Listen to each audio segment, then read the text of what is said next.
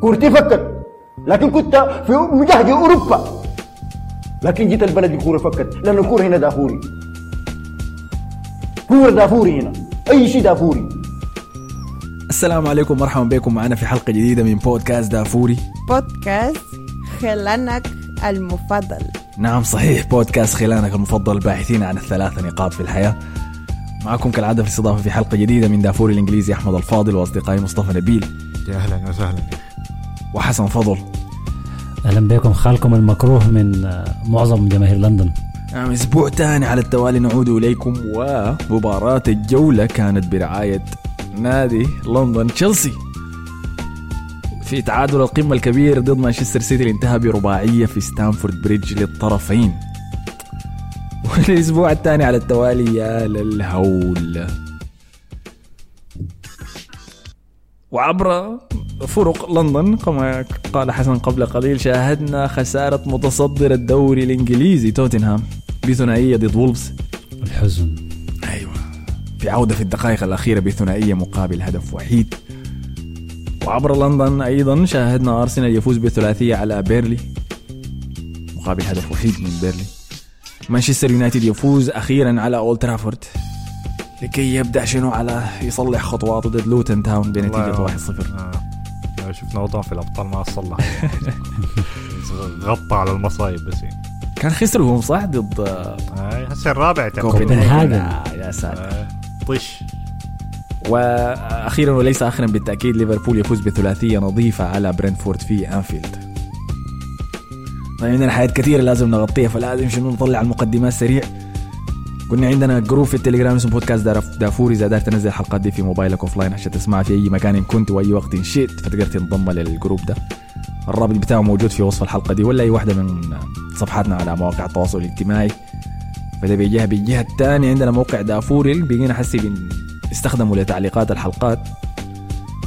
اللي أيوه دقيقة اديني جرس هنا. إعلان. واحدة من الخصائص الجديدة اللي فتحناها في الموقع. إحنا جزء لل fantasy. نعم صحيح. إحنا شفنا نتائجكم سيئة كيف في fantasy دافوري. والأرقام المحرجة اللي قاعدين تجيبوها أسبوع تلو الآخر فدارين نعمل زي شنو؟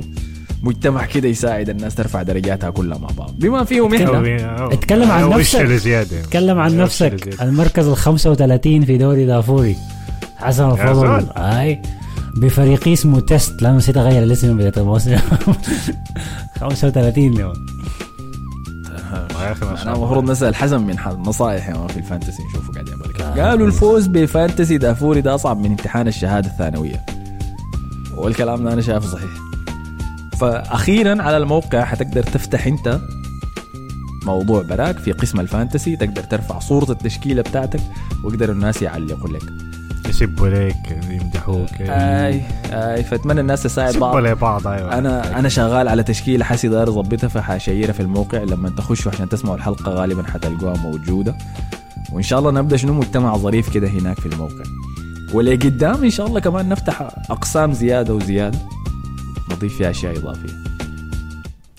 طيب جاهزين نتكلم عن القمة الكبيرة الرباعية من الطرفين. تشيلسي ضد مانشستر سيتي. راح يا اخ جيب لي جماهير تشيلسي دي اليوم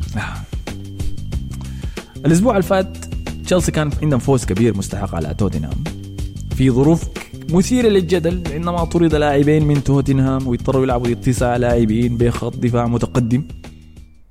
فقمنا يا أخي لا لا دي كانت مباراة سهلة شديد. تشيلسي المفروض يفوز بزيادة. المفروض يفوز بسبعة ثمانية على الأقل.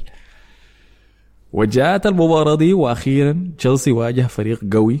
في ملعبه منظم لا يفقد أي عناصر أساسية أساسية أساسية كده. بال11 بال11 اللاعب بتاعه يمكن 12 لاعب ممكن نقول عليه كده.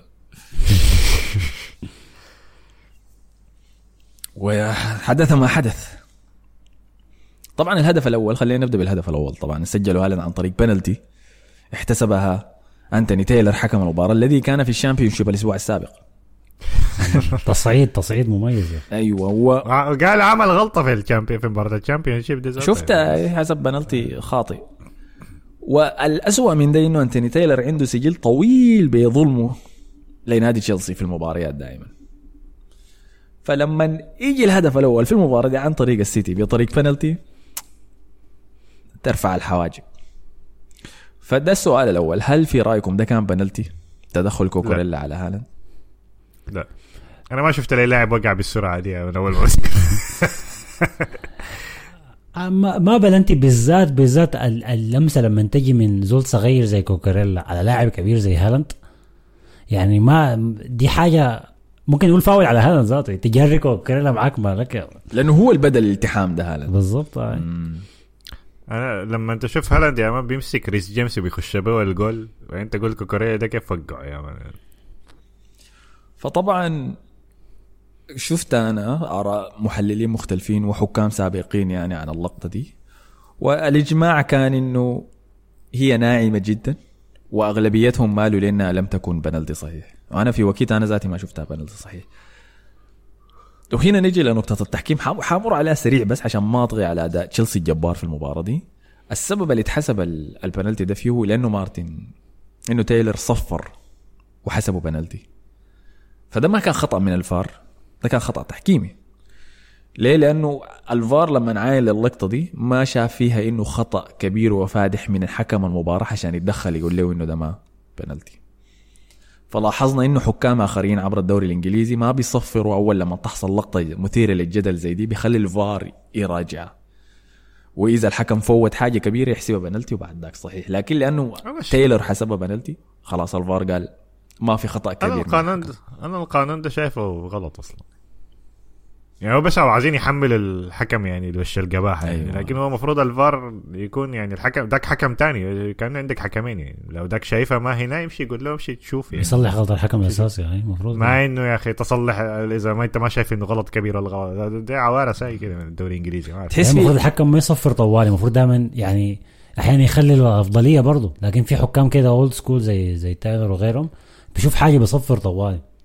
أنا شايف إنه ده بس الموضوع يعني. إنه ما, ما عاوزين يقللوا من ال... كده يعني المكانة بتاعت الحكام أنا شايف الحكام اللي بيحكوا في الدوري الانجليزي ده زي senior كده عشان ما في حالات كده سياسية خاشه في الموضوع ده. إنه أنا موس أنا عندي خبرة أكبر منك. كيف أنت تقول لي قراري غلط ولا؟ آه، آي متفق معاك في النقطة دي. فأنا أنا بس اللي بيغيظني إنه شنو؟ يلا ده مجددا ده شيء حرمنا من إنه نشوف قمة متعادلة لأنه لما تكون لاعب في ملعب صعب خارج ملعبك في سباق الدوري الهدف الأول مهم جدا جدا. فلما يتمنح ليك بسهولة زي دي للسيتي في بداية المباراة وبنالتي بيسهل لك أحداث المباراة كثيرا. دي تاني مباراة للتوالي على لمانشستر سيتي خارج ملعب ونشوف فيها هدية زي دي تنمنح له لما شفنا في اولد ترافورد ملعب صعب آخر مجددا يونايتد كان لاعب فيه كويس في بداية المباراة يتمنح له هدف من بنالتي يسهل له أحداث المباراة. في تدخل من أنعم ما يكون كان على رودري. فلاحظوا دي حالتين متتاليات وحالتين يستفيد منها السيتي. العجبني فيه ده أنسى أن يلا ده كله. ما تركزوا عليه. ليه لأنه اللي عجبني كان ردة الفعل بتاع تشيلسي. لأنه بعد الهدف ده ما دخل أنا قلت ده زي نذير شؤم لتشيلسي لأنه السيتي حسي ما عنده مشكلة إنه يقعد ويدافع متأخر ورا غريق. وتشيلسي حتبدأ تظهر مشاكله ضد ال deep block إنه ما بيقدر يفتح الفرق المتكتلة. ولكن الرد كان مباشرة أتى عن طريق الكابتن الجنرال ذو الأربعين عاما تياغو سيلفا من الكرة العرضية. ال corner التي كان فاز فيها تشيلسي في الطرف الآخر من الميدان. رأيك شنو في الراسية دي عليك؟ السلام يا أخي. نظيفة يا أخي. دي من الخصائص الم- المستخفى بها في تياغو سيلفا لأنه هو ما قلبي دفاع طويل بالمناسبة يعني. تياغو سيلفا يمكن طوله 184 183 حاجة زي دي. وأنا دائما ما يعني دي كانت من النقاط اللي بنتقدها فيه. لكن مع ذلك عنده جوع كده رغبة عارمة في إنه دائما يفوز بالكرات الهوائية دي. الكرات تصدق الراسيه كيف عمره 39 سنة؟ أنا صراحة مبسوط. خطير. آه. خطير في ده قبل قبل 10 سنوات كان عمره 29 وكان برشلونة قال لك لا خلاص الزول ده كبر يا ما هنشتريه. خلاص. خليه في ميلان. وحتى الرأسية دي ما كانت سهلة يعني إنه المكان اللي جاته فيه الكورة وبعد ذاك إنه يوجهها ويخد فيها سرعة كمان زيادة عشان تدق في الأرض وتخش في القائمة الثانية. يا أخي ممتاز. ممتاز. ويستحق الهدف ده هو. بعد كل الانتقادات الكثيرة اللي واجهها في الفترة اللي فاتت. بما فيها مني أنا ذاتي يعني. أنا أنا إلى الآن يعني حتى بعد ما هو دخل الهدف ده أنا شايفه اي هو معيق التقدم بتاع مشروع تشيلسي ده. لكن هاي المناسبات الكبيرة مفروض تياغو سيلفا يكون موجود فيها. طيب أتى هدف التعادل عن طريق آه تشيلسي؟ وبعد ذاك الخنجر. عندما لعب آه كول بالمر. ليس جيمس. باص رايع ل آه كعب.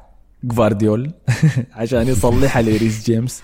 اللي بعد ذاك لعب عرضية داخل الصندوق عشان يسجل منها رحيم ستيرلينج الهدف الثاني؟ نجم المباراة. أنا ما أعرف كيف أدوا لي بالمر نجم ذاتي ستيرلينج ده كان بيعمل حاجات دي عنصرية عديل دي ممتاز يعني. لأنه ما- يعني ستيرلينج قلت الأسبوع اللي فات الزول ده من نجوم المباراة صار- من نجوم الموسم كامل يعني. من أحسن اللاعبين في الدوري الإنجليزي هسه قدم masterclass يا أخي الزول ده كان بيلعب بحرقه ذاته يا عايز يثبت حاجة لأنه ده أحسن جناح لحد هسه هو أحسن جناح لمانشستر سيتي لحد هسه ما قدروا يعوضوا صحيح. صحيح. ف... ومع ذلك يواجه شنو؟ عدم تقدير واحتقار من مشجعين مانشستر سيتي. حتى ما دارين يعتبروه من اساطيرهم وهم آه. عندهم أصلا أسطورتين بس ولا واحد بس. سنين مع النادي. سبعة مواسم. وعسي مفتقدينه صراحة مفتقدين الأجوال بتاعته مفتقدين التأثير بتاعه يعني ف لاعب مهم يعني. هسه يفتش في بديل له يعني. آي. ال- المباراة دي هي كانت فيها قصص كثيرة جانبية. وأروعها كانت قصة انتقام رحيم ستيرلينج وكول بالمر من جوارديولا عين ال- الكراهية دي مشجع ممتاز للإنسان. ممكن يدفعك لأنك تنجز أعظم الأشياء. ومع مدح الجميع لدكة مانشستر سيتي وقوتها يتكلم عن بالمر وستيرلينج يتكلم عن جيسوس وزينتشينكو وكل الأسماء اللي بيوزعوها مانشستر سيتي عبر أوروبا دي. الناس دي كلها بتكره جوارديولا ما ما تنسوا الحاجة. يكرهونه هو كما يكرهون الشيطان عديل كده. وتجسيد ده كان في المباراة دي في أداء رحيم ستيرلينج هذا الرجل يعني كان يقوم بكل شيء كان يصنع وكان يهاجم وكان يدافع وكان يدخل للعمق وكان أحيانا بيحمل الكرة من وسط الميدان لحد داخل صندوق مانشستر سيتي. آه. الدقيقة حاجة 90 قرب يكتب قرب وقتل فودن، قتلوا، ما قرب. قال له قوم قتل. كمان. قال له قوم لحد ما راك كده بعدين قال له معلش. حفظ الصندوق. لا ده خرافي خرافي من ستيرلينج ولم يحتفل ومع ذلك لم يحتفل. والله كان أنا هذه حاجة ما عجبتني بالمناسبه أنا انبسطت شيء من ستيرلينج وهدفه لكن زعلت من موضوع إنه اللاعب ما بيحتفل عشان يسجل هدف في ملعب فريق أو في ضد فريقه السابق. انت إنت بتعرف قدر شنو إنك صعب تسجل هدف في مباراة مهمة وضد فريقك السابق؟ بيكون في مشاعر جواك كثيره يعني. ليه ما تطلعها في الاحتفال؟ ليه بتكتمها في نفسك؟ أنا ما شايف ده تعبير صحيح يعني. ما شايف ما شايف فيها عدم احترام. لو احتفل ما شايف إنها عدم احترام. عدم الاحترام إنه يعملها زي ما عملها أديبايور إنه يجري يقطع الملعب ويجي شوف وين جماهير السيتي دي؟ تعالوا بيجانا زوط كده فيكم. لكن إلا من حقك تنبسط مع جماهيرك. من, من طرف الميدان للطرف الآخر. هو سجل في الجهة اللي ما فيها مشجعين ارسنال قام جرى للجهة الثانية. اللي فيها يقوم مشجعين لا أرسنال. قال ديك الكراهية الجد يعني آه ديك حاجة تانية لكن من حقه كان يحتفل يعني. لكن برضه ما ننسى صانع الهدف ريس جيمس اللي قدم مباراة ممتازة شديد في الجهة اليمين. الجهة اليمين المفروض إنه يكون دوكو ودوكو ما أعرف أحسن جناح جديد للسيتي وأين جريليش؟ وما- قال له دوكو شنو؟ أنا موجود. هاي دوكو دوكو أنا ما حطبخه لأنه ده أول موسم له. لكن الزول ده ما يعني ما عشان الس... ده بتاع مباريات ال- المباريات المفروض يفوز فيها مانشستر سيتي بيخلص لهم الموضوع يعني. لاعب بتاع system بس يعني. مباريات ساوثهامبتون في ملعبنا. بيرنلي الفرق دي أنا متأكد إنه حيلعب فيها كويس لكن المباريات الكبيرة دي لسه ما ما ما متوقع منه إنتاجية كبيرة. لاعب شاب يعني لسه صغير يعني لسه ال software ما نزل. هي المشكلة إنه نفخوه شديد بعد أداء وداك ضد بورنموث. أنا شفت له مقابلة سواها قبل ما يجي مانشستر سيتي باللغة الفرنسية. لما تشوف مقابلة للاعب بلغته الأم بيعبر عن شخصيته بصورة أفضل من لما يترجم أفكاره للغة أخرى. فسألوه قالوا له كان بيتكلم عن أول فريق لعب معه. بعد ما مرق من الأكاديمية يعني. فقام قال المدرب سأله قال له أنت هدفك شنو يعني من إنك لما تشارك مع الفريق في أرضية الميدان؟ قام قال له هدفي وهو لسه وكده ما عارف إنه يكون دبلوماسي في أجوبته قال له أنا هدفي إني أخلي المدافع ضدي يبكي داير أثناء المباراة يزعل من شده ما يزعل إنه يطلع ويخلي أرضية الميدان. داير أقتله داير انتهي منه. كان المدرب عايل له كده. وقاعد يضحك يعني ما فهم وفي هذه المباراة هو حاول أن يفعل ذلك ضد ريس جيمس. الناس لكن داريس جيمس يعني. شكرا جزيلا. الناس بتقول إنه يعني انتهوا منه مسحوا بيه والله ردوكوا يعني. شنو زبالة؟ ما بيقدر بتاع. أنتوا تذكروا إنه كان بيواجه الرجل الذي يجعلنا ننسى كل سنة أنه أفضل ظهير أيمن بالعالم. آه. عندكم ده ما فينيسيوس يا جماعة. لا في level في ريس, الموضوع ده. ريس جيمس مشكلته الإصابات وهي المشكلة الكبرى. هو بالنسبة لي كان ممكن اخذته ثالث رجل من رجال المباراة لأنه ما لعب التس- 90 بس لسه ما عنده اللياقة الكفاية لكن برضه كان بيقوم بكل شيء. كان بينعكس لوسط الميدان عشان يساعد الفريق في البناء. يعني أمشي شوف الهدف ال- ما كانت هدف كانت فرصة بس خربها بعد ذاك في النهاية جاكسون لما لعب كعب لستيرلينج في وسط الضد كان ينعكس لوسط الميدان عشان يساعد الوسط في بناء الهجمات. كان يحمل الكرة في الجناح ويجري. وبعد ذاك شفنا العرضية بتاعته صنعت الهدف لستيرلينج ممتاز ممتاز. أحسن ظهير إنجليزي بدون أي بدون أي لا لا. يلا ما تقول بدون أي في في محاولة لا لا. في أيوه لكن أنا المحادثات دي ما بعتبرها أي حاجة. زول دي دفاعيا وهجوميا ما في ما في أي أنت قول دي النقطة إنه متكامل. متكامل. متكامل أيوه. آي. أيوه. لكن الثاني ذاك برضه عنده حاجات اللي بيقولها مين هو في ذاك الموضوع ده. تريبيير ولا؟ لا لا. أنا شايف تريبيير هو أقرب واحد. لا لا يا أخي تريبيير ده ما, ما في المحادثة ذاته تريبيير ده. الكسندر. ارنولد هجو ما في أي مقارنة. هجو دفاعيا كعب شديد لأنه درجة إنه المفروض ما تخطوا مقارنة أصلا مع ريس جيمس. لكن هجوميا. أي ما هجوميا بعيد أيوه لكن يعني ريس جيمس يعني كويس معتدل يعني هجوميا يعني بدرجة كويسة إنه خلاص يعني عشان كده لما تقول دفاعيا كبير شديد يعني. ظهير تقليدي أنا بقول لك ريس جيمس. ظهير تقليدي دفاع وجهود هجوم عرضيات على الجناح. أنا بقول لك ريس جيمس بلا بلا منازع. لكن ال- ال- اللي بيقدمه ترنت هجوميا ذاك شيء آخر. لكن دي خليها محادثة أخرى. تمام؟ آه لعب عرضية قلنا لك ستيرلينج سجل لم يحتفل. أنت قلت الثالث احسن لاعب أنا عارف الثاني ده الثاني من واحد مثابر يا زلمة. أيوه شكرا جزيلا. شكرا جزيلا. أنا شايف المثابر رقم واحد. المثابر رقم واحد. قال كويس. يلا خ... الزول ده ده عبارة عن تعذيب كان لرودري. الزول ده بس كان كان قاعد لرودري. رودري حيستلم الكورة أنا ما حخليه مان. حبيل هو وبالمر بس قاعدين على رودري. أنت مهمتك في المباراة دي يا جاليجر رودري ده ما يرتاح في حياته. خلي رودري كان. يمرق الفنيله من الشورت يعني عند الهدف يعني. آه. عدي مع رودري زهج مني. يعني كان واقف فوقه كده. زح مني يا أخي. طلعت كرهتني حياتي.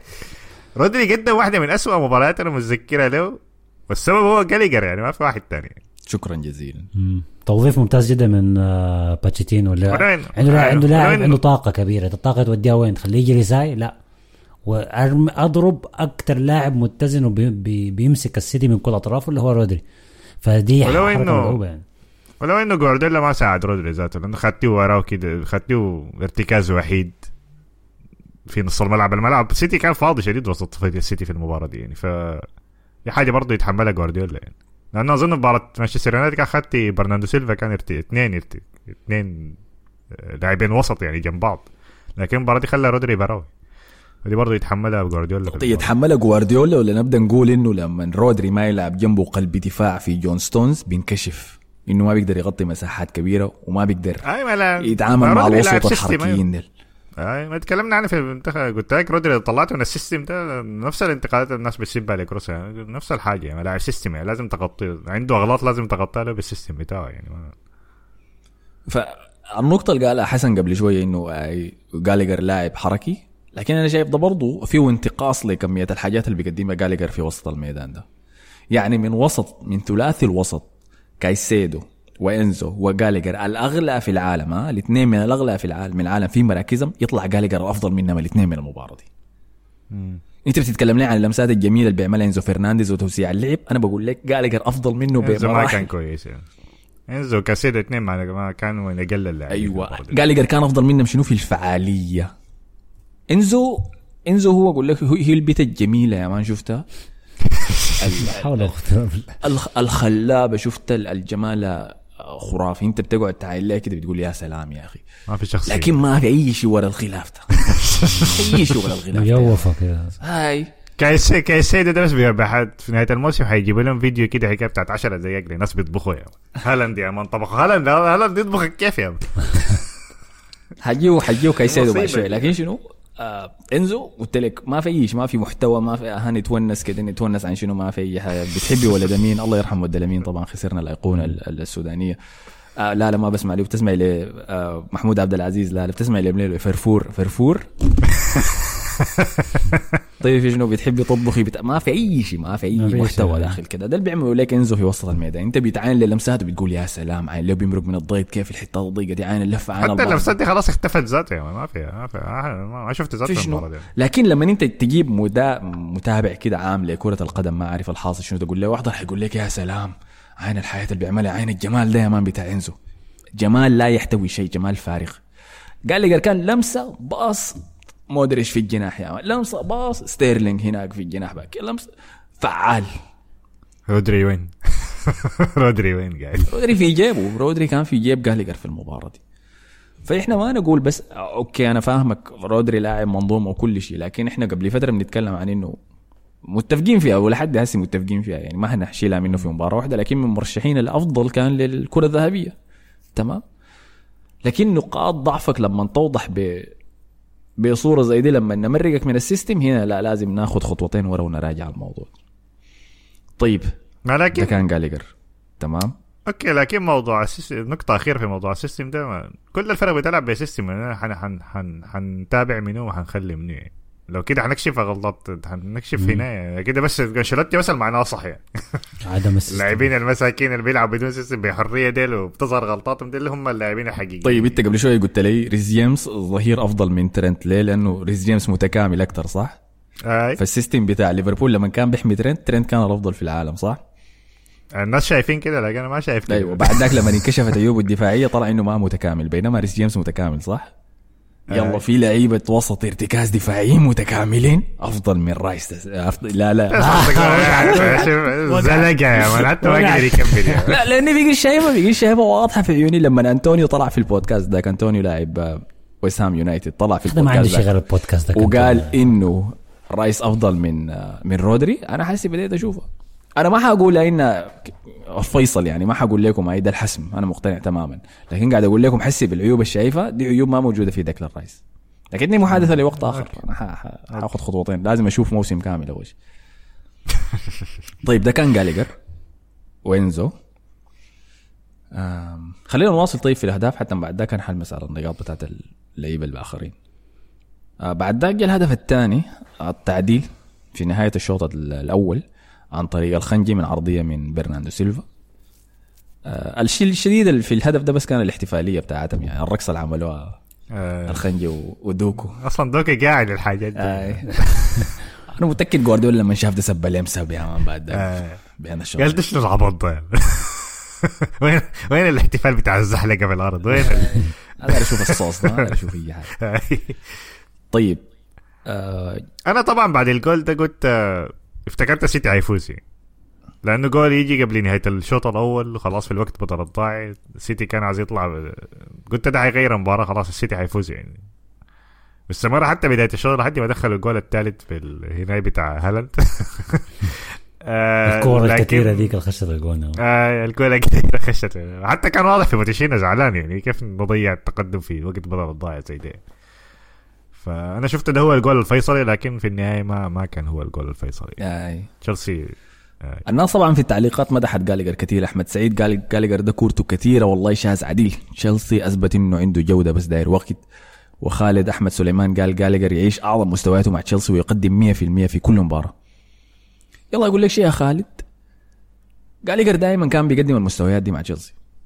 آه، حتى مع بوتر، أي لامبارد. متذكر بعد سيتي السنة اللي فاتت صح؟ لما قاعد يجري ويضغط سميناه بتاع ال cardio ده هو في المباراة دي ذاتها لما كان قاعد يجري المباراة كلها دخل بديل كده. أيوه.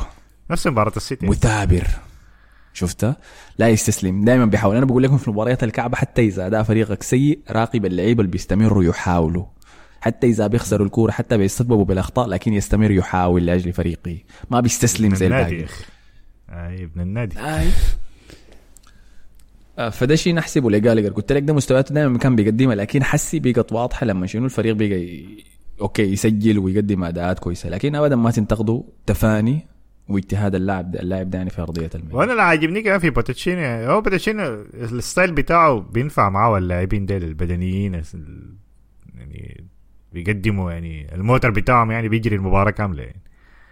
حتى الدواء الكابتن دي حاجة عجبتني إنه الدواء الكابتن كان بعد ريس جيمس طلع هو كان الكابتن الثاني. كما يجب. فدي برضه حاجة زادت أيوه ثقته في نفسه يعني ف دي حاجة تحسب لبوتشيتينو يعني إنه بال... حتى باللاعبين الكتار الجو الجوطة بتاعت الموسم دي قدر يطلع له ب system يعني. هذه ما بقدر اقولها على مدربين تانيين. في داعي هسه في داعي كسل قال مباراة مباراة أمس كاملة الأوصاف حتى أنتوني تايلر ما قصر فيها مستوى خرافي. من جاليجر بيقولوا إنه على نقطة مصطفى دي إنه ده هو سبب معاناة إنزو فرنانديز في الفريق ده إنه لسه جسمانيا وجسديا ما قادر يواكب يعني. عشان كده دائما بنشوفه في المباريات دي الدقيقة 70 الدقيقة 65 هو بيكون انتهى تعب خلاص ما قادر. غير كده لا ما هو برضه لكن إنزو لاعب لازم يكون الكورة عنده. صح. نفس الحاجة كايسيدو. مم. الاثنين جاي يعني كايسيدو جاي من برايتون يعني فالكورة معاهم 70% من المباراة. يعني. فهو ما متعود على الحاجة دي. لكن جاليجر أصلا جاي من من الإرهاب بتاع كريستال بالاس. المباراه كلها بس بيجروا روي هودجسون وبتاع وفييرا قبليه بس بيجروا المباراة كلها ما عندهم كورة أصلا ما بيمسكوا كورة ذاته. فهو متعود على الحاجة دي. أيوة. فعشان كده في المباريات دي بتظهر الحاجات دي فبيظهر مستوى أكتر. إنزو ده الا يلعبوا ضد فرق ضعيفة ومشكلتهم كمان ما عندهم ناس يفوزون بالمباريات دي فحتى مستوياتهم الكويسة بتضيع على الفاضي. يا صح. و- وأزيد على النقطة دي كمان نقطة كايسيدو يلا. إنه كايسيدو ما ارتكاز أنا كررت الحاجة دي في البودكاست كتير قبل كده بس لأنه ال profile بتاعه بيكسب الكورة وجسديا قوي لكن الناس بيتعاملوا إنه ارتكاز. وشفنا في المباراة دي كيف إنه أحيانا كثيرة كان بيتهور بيطلع من مركزه عشان يضغط يمشي يجيب الكورة. وطلع لك كمية لقطات ليطبخ له في وسط الميدان يعني تزيد يعني تزيد وتكفي في مباراة واحدة. في لقطة كده. برناردو سيلفا مسكه آه. ولما يجي يضغط عاوز يضغط برناندو سيلفا. مسكوا ليك لفاه كده شدة ما لفاه كايسيدو لما عاين لقى هو قاعد وين وبرناردو سيلفا مشى وين؟ قال والله يا أخي ما كان في داعي. تعرف أنا أنا شاك إنه كايسيدو ده حيفقد مكانه يعني حيقعد احتياط لما يرجع بتاع ساوثهامبتون ذاك اسمه منو؟ لافيا ولا ليفيا ولا إيش شكرا. جزيلا. ح- حاجة هابش على النقطة دي. لكن أيوه دي هي دي هي سبب النقطة دي. لكن في واحد من الثلاثة ديل حيفقد مكانه كأساسي. طيب انتهى الشوط الأول. أم بدينا الشوط الثاني كان جاء الهدف الثالث عن طريق هالاند. بعد لقطة تهوروا فيها كوكوريلا وكايسيدو الاثنين لما حاولوا يضغطوا على الكرة في وسط الميدان. وحقيقة إذا رجعت الهدف ده في بدايته كان في خطأ مفروض يتحسب على جالجر لأنه كان واحد من لعيبة السيتي ديل مسكوا ليك عفصوا ليك ولا حاجة ما دفروا ليك. برا أظن كان ووكر. دفروا ليك برا وقعوا برا قام الكورة مرقت لتماس السيتي مسك لعيبة كتير سريع ومرق لل counter. اللي بعد ذاك ألفاريز لعب عرضية داخل الصندوق لهالاند عشان يدخلها ب في ناس قالوا إنه دخل الجون بمؤخرته. في ناس قالوا إنه دخل وكان بخصيته اليمين. كهونس كهونس. فهمتني؟ فهالاند بدأ يتفنن يعني إنه شنو يحاول يلقى طرق مختلفة يبدع بها في في تسجيل الأهداف. ففي الجون ده هو دخل الجون ودخل معه الكورة ودخل معه ريس جيمس كمان اللي كان بيحاول يوقف علاقته شنو ريس جيمس المسكين هسه ذاته تخش يعني. شايله كده في شوال وراه ويلا عشان ننصف السيتي كمان ده كان أداء ممتاز من هالاند حقيقة آي. مم. عملوا مقابلة معه بعد المباراة جا صحفي سحله صحفي سأله قال له قال له أنا كنت بحضر في المباراة دي من فوق وكنت شايفها مفتوحة كيف والمساحات موجودة لك هل في المباراة دي افتقدت كيفن دي بروينا قام هالاند عايل له كده في عيونه وغمض قال له هاي. قام قال له آه، آه حيجي راجع. قريبات. قام هالاند قال له أتمنى والله يا أخي يجي راجع. صاحبي قال له. هاي صاحبي قال له أنا ذاتي والله أتمنى يجي راجع. أنا قلت قلت شنو اللقطة القصة الرومانسية اللي عايشينها الاثنين دي أنا أطلع يعني أخليكم تتموا المقابله ولا شنو؟ لكن الكلام يلا. عين انصاف هو دوكو ما كان كويس. جريليش لما دخل طبعا كالعادة ما كان كويس. الجهة اليسار دي كانت ميتة. اللي هو الجهة اليسار بتاعت السيتي دي كانت كجناح كانت ميتة يعني. لكن الحق يعني لازم نوصف فودين كان كويس في المباراة دي. بما إنه كنا بننتقده في المباراة اللي فاتت فودين أنا شايفه كان كويس في المباراة دي صراحة. okay. هاي أنا لما قاعد أحكم على فودن قاعد أحكم عليه بالمنتج بتاعه. داير هدف ولا داير assist دايرك تأثر على أحداث المباراة والمباراة دي ما شف ما شفت منه حاجة يعني. طيب فده كان الهدف الثالث مجددا يتأخر تشيلسي في النتيجة. وبعد ذاك جات ثاني لقطة شنو؟ نثني فيها على المثابر تاني. الهدف ده عجبني شديد هدف التعديل الثالث بتاع تشيلسي ده لأنه عاين له بدا كيف. بناء من الخلف pass من سانشيز. سانشيز كان ممتاز برضه لازم نمدحه يا أخي. يعني كان في التسديد اللي سددها هالاند ديك متذكرينها؟ يا هذيك تصدي ممتاز لك صراحة. يعني كمية الطاقة الشحنة هالاند في التسديدة ديك وسدده بعد ده صدها سانشيز. آه، احترام والله. وغير تصدياته أنا عارفه تلقى أربع أهداف لكن بالنسبة لي كان أداء ممتاز منه. تمريراته كانت كويسة شديد. وأبدا ما شفته بيخسر الكورة للفريق الآخر. كما كان يفعل زول تاني كده بالجهة الثانية ف pass من سانشيز وسط الميدان خط قلوب الدفاع باصاه لجالجر. اللفة يلا عاين الروعة. الفعالية. جالجر استلم الكورة لفة لعب كورة للطرف الآخر من الميدان لمودريك. مودريك نزل الكورة لعب pass لكايسيدو. في الوقت ده جالجر استلم الكورة قلت لكم من قلوب الدفاع قدام صندوقه. كان في النص الثاني من الميدان قدام صندوق السيتي. استلم الكورة سدد كورة صاروخية من هناك. اللي سكبها إيدرسون عشان بعد ذاك طيب الذكر نيكولاس. والله سيء الذكر نيكولاس جاكسون يسجل. الهدف الثالث بتاع التعادل. والله يا أخي تحرك كان كويس. تحرك كان غريب لكن كان كويس. لأنه مشى كسر يمين كده ورجع ورا واستلم الكورة وشاتها يعني. ما أعرف ما طلع تسلل كيف لكن كويس يعني. أي. والوحيد اللي كان يعني في المباراة دي كلها اللي كان أداء متألق من الجميع. حتى ديساسي دخل مكان كول كولويل كان شايفه ممتاز. آه لكن سجل الهدف الثالث النتيجة بقت تعادل 3 3 ابن عوف قال كورة من زمن الديناصورات يا أخي جودة عالية ركب زي الركب وجبة مرة واحدة في الموسم عشرة من عشرة. وصديقنا بس ما ما غير اسم المستخدم بتاعه في الموقع قال في أجمل مباريات الموسم حتى الآن تشيلسي يتعادل مع مانشستر سيتي ولكن السيتي في صدارة الدوري الإنجليزي والدفاع علامة استفهام. يلا بعد ما خش الجون الثالث ده شفنا برضه لسه مستمرة هشاشة في دفاع السيتي. يعني شفنا لقطة يستلم فيها بالمر الكرة من وسط الميدان وبعد ذاك قلب ميسي. مشى مراوغ حكايه خمسة لعيبة كده يمين شمال يمين شمال. طلع من رودري أيوه رودري. رودري ذاته ما قدر يا أخي. قال له يا أخي خلاص يا أخي. خش جوا الصندوق بس إدرسون يتألق في اللقطة دي صراحة. وكمان كان في تعثير اخيره كده على بالمر فما قدر يسدد الكوره بأريحية. تاني كان عندك برضه حركة مشابهة لدي سواها ستيرلينج برضه مسك الكوره خيط يمين شمال يمين شمال يمين شمال. اللي ما ذكرنا اللي درجه طبخ كايل ووكر بالمناسبة. أنا شفت بهدلة ثقيلة ل اللي بيقولوا إنه أفضل قلبي اسمه شنو؟ ظهير أيمن في تاريخ ال- إنجلترا ولا ايا كان. فهذا جا الهدف التالي بتاع التعديل لحد لما يجي الخنجر بتاع مانشستر سيتي في الدقائق الأخيرة تسديدة من خارج. الصندوق. ده بس عملوا هدف تغطيه المستوى السيء يا man بتاع رودري آه. كل ما يكون عنده يعمل له مصيبة أداء كارثي كده يمشي يدخل له جول كده يخفي المصايب هدف شين ذاته جا deflection ضربت في مدافع. لو جات منه طوالي ممكن اغطي بها فعلا سوء اداء لكن ما ما مقصودة منه نهايه يعني آه، كورة غريبة صراحة ضربت في بلياردو. تياجو سيلفا سيلفا. ضرب قدم سيلفا أي. ويلا لما خش الهدف ده أنا قلت والله يا أخي ابدا ما يستاهل تشيلسي إنه يخسر المباراة دي. أنا كنت بحضر المباراة دي مع أخوي الصغير أسامة اللي هو بيشجع السيتي طبعا ومع كل جول لتشيلسي كنت بقوم وبحتفل آه يا سلام والله انت أحمد الموسم ده بتشجع توتنهام وتشجع تشيلسي ده شنو ده؟ حصل عليك شنو يا أخي؟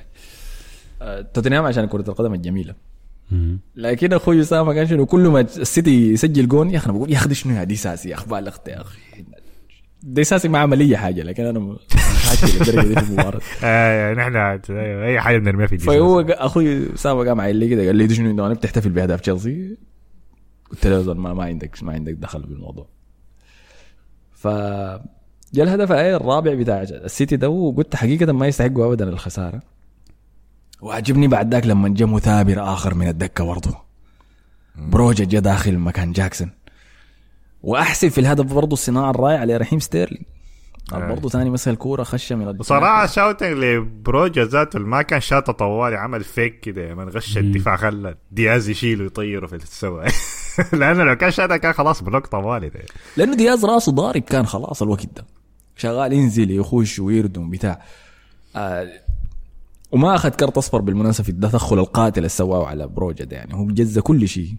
قتل بروجا ده. آه ما تكلمنا عن لمسة اليد بتاعت آه ووكر لما إيدرسون باصاه له في يده كمان. لما شاتا في وكان أصلا عنده كرت اصفر فالمفروض كان يطرد في دي. لا لا أخي صعبة صراحة إنه يدوا كرت اصفر على حاجة شاتها في في يده يا man. قريبة شديد دي يا man. لكن المفروض تتحسب هي كان بلنتي ولا فاول كان؟ فاول كان، برا برا الصندوق، آه، آه. لكن ظالمة شديد حتكون له انذار يا man. طيب ثاني كان شنو؟ اي بس ده كان كل شيء. المهم بعد ذاك آه، بلنتي في الدقائق الأخيرة.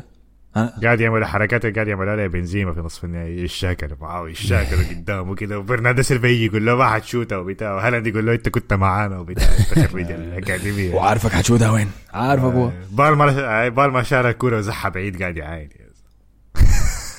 يلا أنا كنت قلت بلنتي؟ في في الوقت زي ده وثقل زي ده وأجواء زي دي. يظهر المعدن أيوه. وكنت شايف ده ضغط كبير والله. آه أنا قلت قال ما حيضيعها توقعت يضيعها قلت جاب ثلاثة بلنتيات اللي فاتت لكن ما كان عليه ضغط هسه عليه ضغط ثقيل شديد. وديت حارس هو كان بيتمرن معاه ها؟ آه. معلم. لكن بلنتي؟ فلما لما جانا قلت يا أخي أخير شوت على ستيرلينج دي يا بالمر ستيرلينج بيتحمل الضغط بتاعي إذا ضيعها لكن عجبني إنه دي ما كان حاجة في باله أصلا يا man. قال اديني الكورة دي. أنا بشوت البلنتيات. بلنتي من أروع ما يكون بعد ذلك. مع إنه إيدرسون قفز في الاتجاه الصحيح. ومع ذلك سجلها بالمر في زاوية 90 من الهدف. لكي يتعادل تشيلسي بنتيجة 4 4 انفجر الملعب. احد باقي له باقي له جولين بس يفوز بالبالون دور يا. احد أحد أحد المنفجرين في الملعب اللي كانوا مبسوطين كان كوفيسيتش يا مان. كوفيسيتش اللي دخل بديل يا مان عشان يساعد رودري في يغطي مساحات النص كان قاعد ورا. بالمر بالمر جاب الجول. بس كوفيسيتش كده زوط زوط هاي. أنا أنا عندي في الفانتسي لا زال قلبه أزرق أزرق غامق ما فاتح. آه طيب كان عندنا اثنين لاعبين سجلوا في ناديم السابق. ويبدو دي إنه شت... دي, دي, دي الحتمية هنا. يعني إذا في لاعب من ناديك لاعب ضدك عارف إنه حيسجل فيك لاعب سابق. آه يسألني أنا بشجع ريال مدريد. أنا بشجع أرسنال عارفين إنها كويسة. آه، المضحك شنو؟ إنه الاثنين لما سجلوا أهداف ما كانوا دارين يحتفلوا. بالمر وستيرلينج والاثنين لما سجلوا الأهداف جاكسون كان بيجيهم جاري وبيمسكهم وبيقبلهم على مشجعين سيتي وبيقول أمسك احتفل احتفل في وشهم. وبشر له عليهم احتفل احتفل في وشهم. آه جاكسون ده زعلان ليه؟ جديد انت مش ليه؟ والله يا أخي عجيب جاكسون يا اخ مرعب طبعا قالوا لي إنه ما مسلم ولا أي حاجة دي إشاعة سايه. بس اسمه جاكسون اسمه نيكولاس جاكسون كيف يعني. مسلم كيف والله حسن بلغت عديل أنا شفته في مقابلة بيتكلم عن الإسلام يا man والله أنا ما عارف إذا ده غشاني ذاته. تلقاه كان بيسيب للاسلام بس أنت ما تذكرت مركزت والله. احتمال بالنسبة لبالمر كان قبل المباراة طبعا كان سألوا جوارديولا عن بالمر فقال فقال أنا طبعا اتكلمت معاه قلت له محرز طبعا حيطلع يعني حيمشي ينتقل. فانت حتكون عندك فرصة. فقال لي لا لا أنا عايز أمشي. قلت له خلاص أمشي. تخرج من ما أدري اشوفك بعدين قال إنه أنا ما عندي مشكلة أبيع لاعبين لأندية تانية منافسة للانديه الصغيره بس اللي بتخاف من الحاجات دي. شكله قاعد يطبخ له كده صفقة. بعدين طلعت الاخبار طوال بتاعت ريس جيمس دي. شكله طابخ له طبخة عايز يتعاقد مع ريس جيمس ولا حاجة زي كده. هم قالوا إنه في الصيف لما المحرز طلع قالوا لبالمر إنه ده مركزك يلا حيبقى عندك وقت زيادة. فبالمر في البداية كان موافق وبدا الموسم معاه يعني. حتى الش... دخل جول في ال- في الشف في ال- الدرع الخيرية هي كان سجل فيه. أيوه كمان في السوبر ال... في السوبر صح، دخل صحيح. فوزهم أيوه العادة لما بعد ذاك فازوا بيه ف فهو كان مقتنع إنه شنو؟ عنده مكان.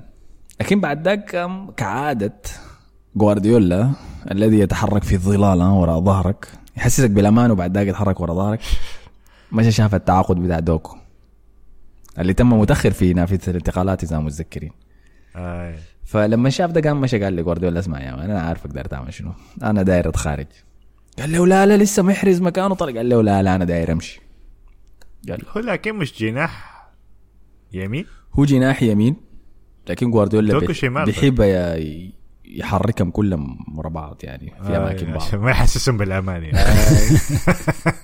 فده عشان ما يحس بالطمأنينة يعني. بجهه وبالجهه الثانية أنا يلا ال- الشيء اللي عاجبني أكثر إنه شنو؟ أحسن له بالمر إنه يمشي تشيلسي ويلعب بدل ما يتقلب لواحد من الروبوتات ديل ال- اللي ما عندهم هوية ولا عندهم شخصية في نظام جوارديولا ده. يعني حسي لحد هسه بعين للتطور بتاع فودن تخيل لو فودن كان طلع مثلا وجا تشيلسي زمان. ولا أي فريق تاني ما ضروري تشيلسي لتقلباته وكان بيلعب في بشكل مستمر كرقم عشرة في فريق ثابت. تخيل مستوياته كان حسي حتكون وين. لكن إذا راضي هو تشيل هو ده السيتي يعني وخلاص. okay. ما مشكلة. الفرق الوحيد إنه هو ما مشكلة بس الروبوتات إنه مشكلة إنه ما لما يخشوا في فورمة كعبة خلاص بيقعد احتياط طوالي. أو إنه واحد يمسك فيهم فورمة طوالي هو بيقعد يلعب يعني فترة يعني. يعني فودن ده مرات بيختفي نص موسم عديل يعني لما يكون مستوياته كعبة يعني. أو يكون طلع إصابة ولا حاجة اللي بيفقد مكانه عادي لأن أيوة. التشكيلة كلها وتمرق من الفورمة في فترة. قصيرة يعني. بس مباراة واحدة ما سجلت ما ساهمت خلاص يمكن تلقى نفسك بعد ده في الدكة. آه لكن بالمر اللي قالوا نادي مع إنه أصلا بوتشيتينو ما كان عاوزه لكن فرض نفسه. انه التشكيله أصلا جايطة وما في أي توقعات لأي بطولات فيخش في فورمة شهر كعب ما في حتشتغل به حتلعب أساسا. آه. ما في.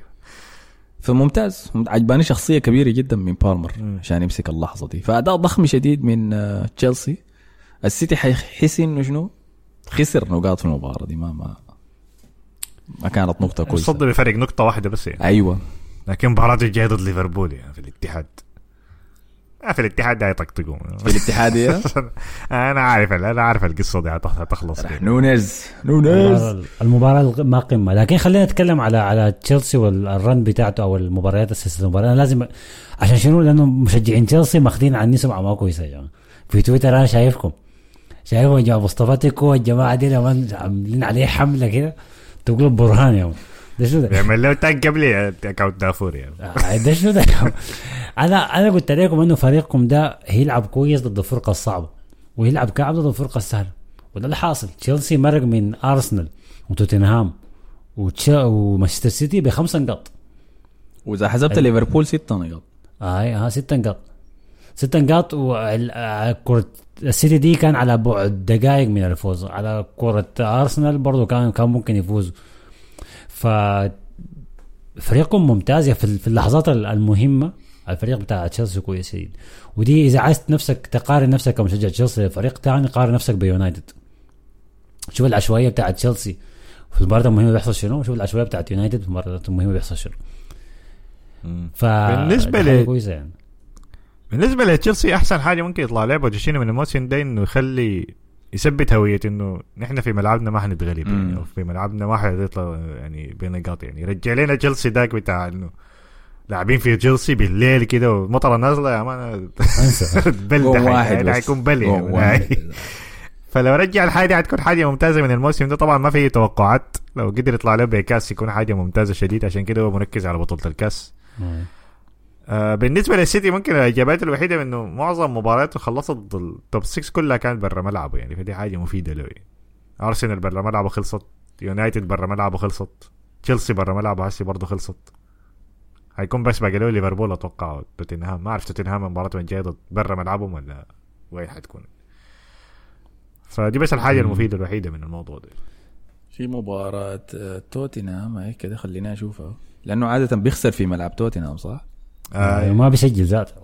لا في الاتحاد في الاتحاد كده كويس أنا دايرهم يلاقوا توتنهام وهم في حالة كويسة ما دايرهم بالإصابات دي والطريق آه، طبعا بوتشيتينو قبل ما يمرق منه كان آه، بعد ما الحكم صفر جا خاش يا man شاق الملعب في النص كده ما داير يسلم على أي زول بيكورك في الحكم. اللعيبة دي يمسكوا فيه وبيزحوا وبيكورك بينبز في الحكم أنا حاولت أسمعه احتمال بينبز بالإسباني ما ما فهمت بيقول في شنو.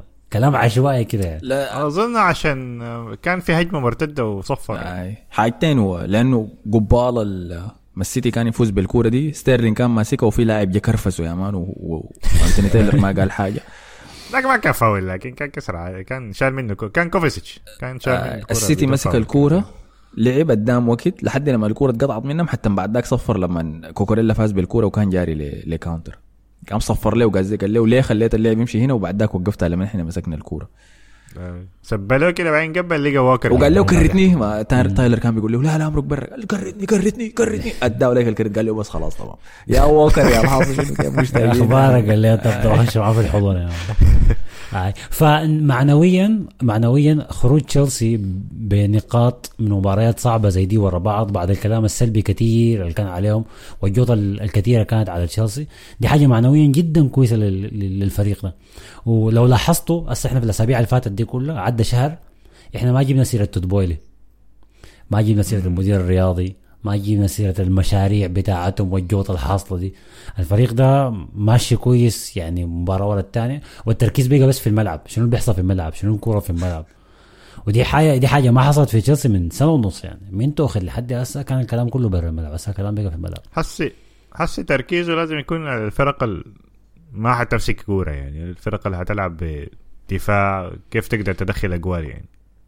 تبدا تاخذ نقاط. لو بدأ ياخذ النقاط من المباراه المفروض يفوز فيها بعد كده خلاص يعني عادي ال top four يعني ما, ما في أي حاجة بتوقفهم من التوب فور هسه كورتهم وغير- الجاية ضد برايتون ضد نيوكاسل. مباراتهم الجاية ضد نيوكاسل. آه نيوكاسل وبعد نيوكاسل برايتون آي. نيوكاسل دي وين في ملعبهم ولا في, في, نيو في, نيوكاسل في سان جيمس يا بارك ساتر يا لطيف. طيب. تكون مباراة كعبة دي. أديك التعليق ده. محمد عمر قال جاي بعد مباراة تشيلسي. والسيتي عشان أقول الأشاوس ديل لو دوروا إنجلترا كلها بتنوم من المغرب. تاني البودكاست ده واستديوهات بي إن سبورت إلا تسكن الكدايس. يا بسم الله. ابو تريكه قال شنو يعني؟ طيب. أقول لك حاجة كويس. بعد كل الكلام ده يا جماعة أنا عينت لجدول الترتيب لقيت تشيلسي قاعد في المركز العاشر ولقيت يونايتد قاعد في المركز السادس. فمع الأشاوس والعودة والفريق ده وإحنا ماشيين آه، لسه وجايين، بدري. وين وين الكلام ده طيب؟ هل هل في فريق هل في. فريق في الثلاثة نقاط اللي بتفوز بها من السيتي ولا الثلاثة نقاط اللي بتفوز بها من برينفورد هل في فريق بيناتهم؟ معنوي في في, في آه. الترتيب في الترتيب ما ما عندها معنى لما تنفق آه، بليون لما تنفق billion pound طيب في نافذتين انتقالات وتغير تشكيلتك كاملة توقعاتنا لك حتكون عالية فإحنا من 200 بنمدح تشيلسي لأنه تعادل في ملعبه ضد السيتي أنا أنا أنا أنا لما أعاين الصورة الكبيرة واللي تشيلسي المفروض يكون قاعد موجود وين أنا ما شايف دي حاجة المفروض الناس تحتفل بها بالقدر ده لكن ما. ما ما وقت ما وقت صورة كبيرة أحيانا أنت أنت هم بعيدين شديد من المستوى المفروض يكونوا فيه وأنت بتركيزك تركيزك على ال- على أنا بقول أنا بقول لك. كده ليه لكن لأنه أنا يعني مع مع كل الإطراء اللي أنا بقوله لهم على الأداء الممتاز ده أنا ما- يعني ممكن أقول لك لو مشوا خسروا ضد نيوكاسل حيكون عادي عندي. فهمت؟ آه، يعني كأنه اي ده كان هي ما متوقع مشكلة هي ما مشكلة بس يعني تكتيك هي مشكلة لاعبين بيتحمسوا لمباريات كبيرة ولا مباريات شكرا جزيلا. ولا بتقدر تطلع منهم آه. بأداء يعني ستيرلينج أنا متأكد إنه حيلعب كويس. شكرا جزيلا. ولا ستيرلينج. بيلعب كويس لكن هل ستيرلينج لعب بنفس الحدة اللي لعب بها ضد برينفورد؟ لا. لا، لا. هل بالمر لعب بنفس الحدة اللي لعب بها دي ضد برينفورد؟ لا، لا لا. جاكسون ده ما كعب في كل الأحوال أساسا ديساسي ده هل حيكون حيكون صح ولا بس حي- حيسرقوا منه مثلا؟ سهل إنك تحمس نفسك للمباريات الكبيرة دي okay ديربي لندن ضد أرسنال راح قدام لكن ديربي لندن ضد برنفورد يا ما حنق. ما هي ثلاثة نقاط في النهاية فهمتني؟ ال- الحكم هيكون في نهاية الموسم على تشيلسي لو قدر بوتشيتينو يدخلهم مقعد أوروبي ولا لا؟ ده, ال- ده الكلام يعني. فأنا أنا مبسوط لبوتشيتينو بس يعني يستاهل هو حاجة صحيح. يعني الموضوع تمشي له كويس يعني لأنه صراحة كان كان في حاجات كثيره مشت ضده يعني. كويس بعد التوقف حيرجع له نكوكو ده نشوف نشوف حنكو شنو. ولافيا داك حيرجع له الناس البريد سكتر هيزيدوا في التشكيله يعني فنشوف حيحصل أيوه. شنو. هي دي هي دي حاجة كويسة وكعبة. جبال حسن قال إنه ما تكلمنا عن تود بولي ودي حاجة كويسة. لكن اصبر لحد يجي شهر 12 بس. ممكن عادي يفتح البوابة تاني يدخل له 10 جد عباده جداد يا ما في النادي يقول لي امسك يا ما يتصرف. يلا. شايف اوبيمي اوبيميكل قال يا مان قاعد يحنك في أوسمين عشان يجي تشيلسي يعني. هم محتاجين مهاجم محتاجين مهاجم. طيب في التعليقات تاني ابن عوف قال رحيم عمل من وش ووكر بجزمة. بالمر ده نوعيه اللعيبة اللي بيلعب لك الكورة الكبيرة السيتي محظوظ طلع بالتعادل بعد الفرص الكثيرة الضايعه من البلوز. أول مرة أحس السيتي خايف من فريق. وعلي جاد وعلي جادين ولا علي جادجن قال مباراة تشيلسي والسيتي كانت نار وشرار بس شايف السيتي كان جاي شديد. حتى لما كان بيتقدم في النتيجة تحسهم ما قادرين يهدوا رتم المباراة. أغرب مباراة أشوفها للسيتي من فترة طويلة. وبالنسبة للتعليقات في تطبيق أنغامي ده يعلقوا وين بالضبط؟ والله يا أخي ما أظن فيه تعليقات. أسمع بس. تعال الموقع بس. ووسيلة طارق قال هالاند جاب جون بالمسكينة. ومحمد عيسى جال جاكسون ده تاجر ازمات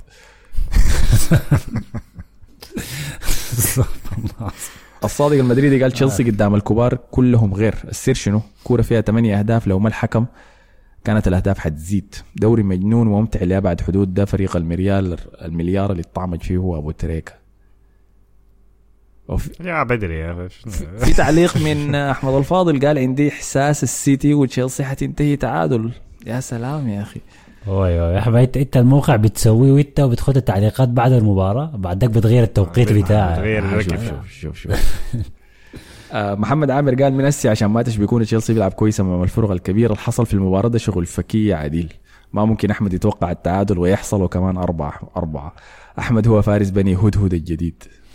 يا سلام يا أخي. شيل لا لا لا ما دايره خوف خوف. يعني انت الموسم يا جماعة حيجيك ناس تشيلسي يقول لك آه، بالمر ده أحسن من ساكا وفودن يعني. بس تقريبا خلاص. آه لا لا والله في تعليقات تاني زيادة. هشام إيه قال أول حاجة هنيكم على الموقع الظريف شديد. وتاني حاجة في زول متابع معي جوفارديول اللاعب ده سيء شديد. أي هو ما لاعب في خانته اللي بيكون مرتاح فيها لكن الزول ده مريب شديد يا أخي. مريب فعلا. والله كان كعب يا أيوه كان كعب شديد. يعني. والتاني مازن CFC قال مباراة كانت خيالية من الفريق ككل والبوتش masterclass تكتيكي. بس كان ينقص مهاجم أفضل من جاكسون ولا ننسى رجل المباراة للسيتي أنتوني تايلر. روبن دياز قدم أحد أوسخ خمسة مباريات لمدافع. بالمر وستيرلينج رجال المباراة. ستيرلينج عنف والكر ستيرلينج عنف والكر تعنيف وبالمر ساحر. العم تياجو سيلفا masterclass كالعادة وعمر 39 سنة. زايد فرصة جوستو فرصة جوستو لو كان بدله جيمس كان قد الجون كله اي يا اخ جوستو قال ضيع فرصة سمحة صنعها له ستيرلينج والله غبي يا أخي غبي بليد بليد. بالشمال وحاول يخدها فيه. بليد. جيمس ده كان عادي يدخلها آي. وعاصم قالوا جوارديول جوارديول ما بيلعب كويس في المباريات الكبيرة عشان تولد بعد الحرب يعني. عاصم عبد الله قال صداع بعد المباراة مباراة ممتعة للمحايد بس مشجعين الفريقين انجلطوا مباراة كبيرة شديد ما تشيلسي والله أنا كنت قايل مباراة سهلة صراحة. ونقطة أخيرة إنه مهما كنت حريف ومهاري ده ما مهم. أهم شيء تكون جماعي وبتساهم لدفاع. وده فريق دوكو وجريليش باختصار مباراة سيئة واحدة في تاريخ دياز كله مع السيتي والانتقادات دي كلها حصلت. ومصطفى تيكو قال ده المشجعين تشيلسي طبعا.